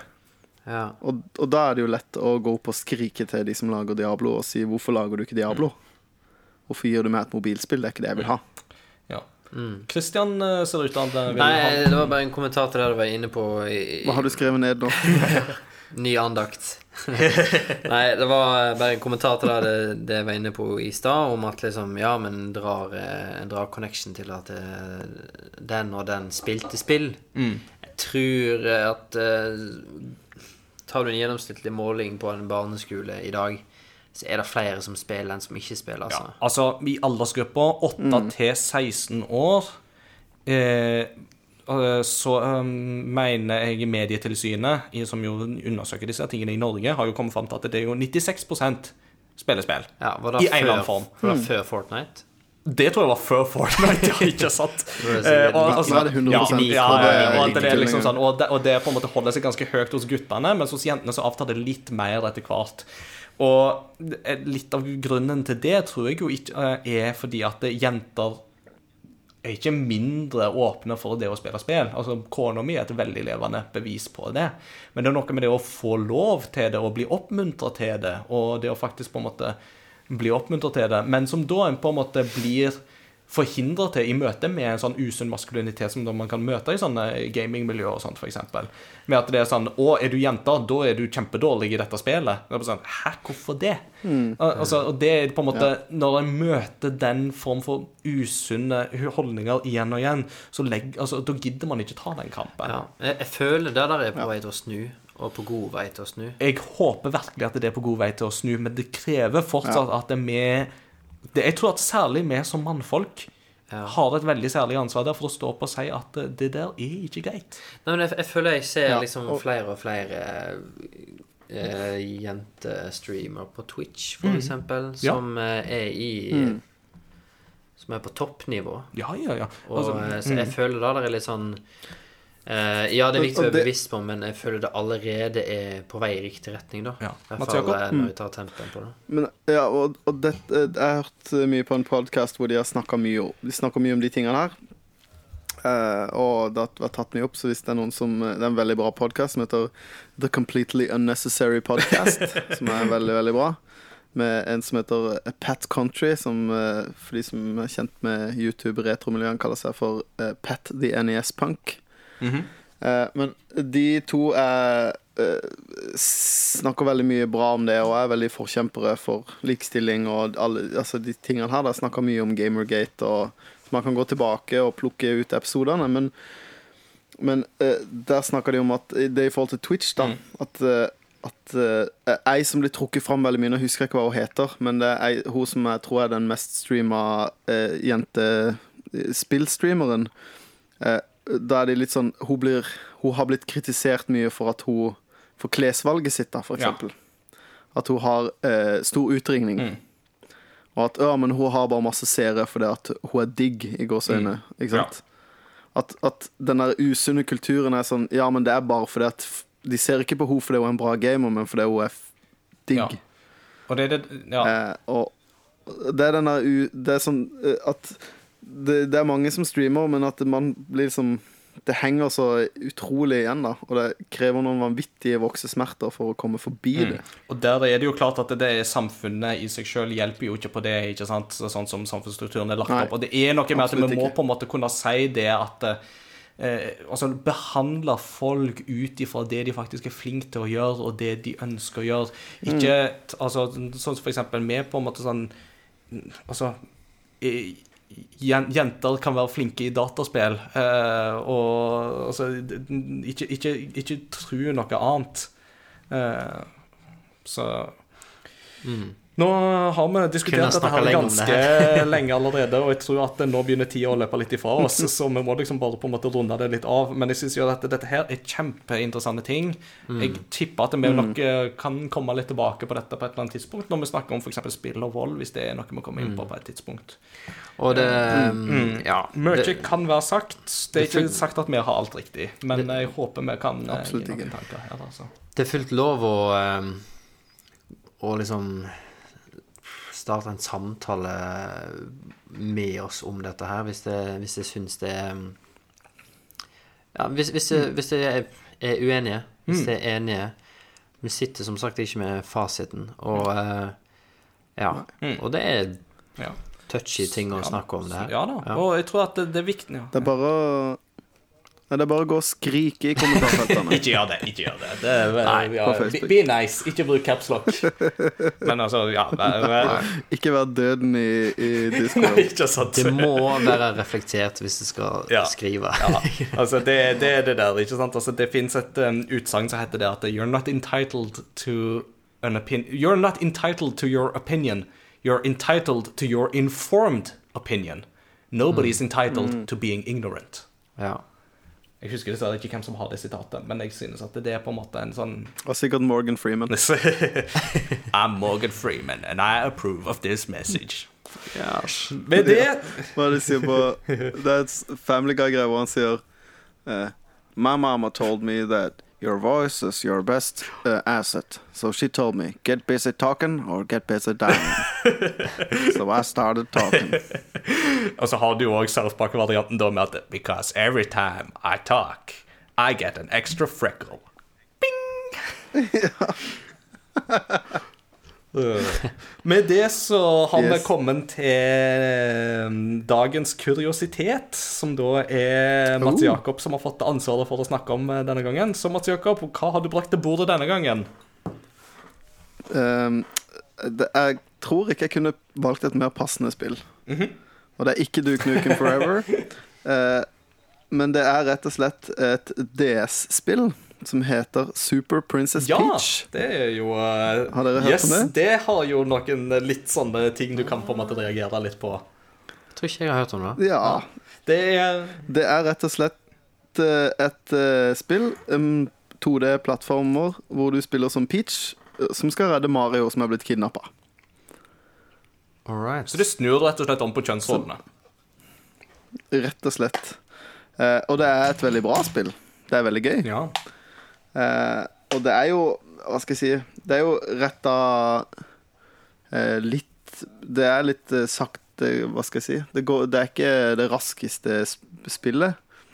Eh, det går ikke kjempefort framover og så videre. Altså, du beveger deg ikke kjempefort på samme måten, men det er litt mer sånn du må tenke litt mer og løse ting på en annen måte. Og så er det jo pakka inn i en sånn Princess Peach-pakke, da. Så ting er jo rosa, og det er, det er hjerter og Men eh, gameplayet er Det er jo i praksis et Mario-spill hvis du på en måte spiller som Princess Peach. Så hun kan dale på paraplyen sin og Ja. Det, så videre. Men eh, det står bak på baksida så står det 'Princess Power'. Bowser is back, but this time Princess Peach has to rescue Mario. det skal jo sies at det, selv om det jo er absolutt et underholdende spill, og sånt, så hadde noen litt sånne kjønnsstereotyper der som man kan på en måte diskutere Ja. litt. For eksempel at en av Peach sine krefter i dette spillet er å grine.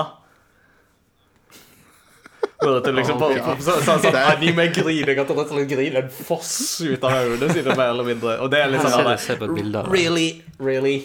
Uh, så det er litt sånn Men det, det, spillet kom i 2006, da. Det er pre-Gamergate. Det Ja. spillet her, da. det, mm. Det ja. Nei, men, men eh, det er jo bare festlig at de lagde det. Altså, Ja, ja. at man på en måte Mange har jo tenkt ideen, og det var jo Det var en, en, en far som lagde eh, Som modda det originale Donkey Kong-spillet. Mm. Arkadespillet. Fordi at han spilte det, og så hadde dattera sagt Men hvorfor er det, dam, hvorfor er det mannen som redder dama? Så tenkte han hm, du har et godt poeng. Så lagde han en mod hvor, eh, hvor da Daisy skal redde Jumpman. Ja, men Strengt tatt så blir det vel Pauline som må redde Jumpman. Er det Pauline, ja? Det er selvfølgelig. Det er ikke Nei, nei, nei, det er ja. Pauline. Hun som er ordfører i New Dog City i Super Mario Odyssey. Som jo da er samme byen som da Arkadespillet Donkey Kong finner sted i.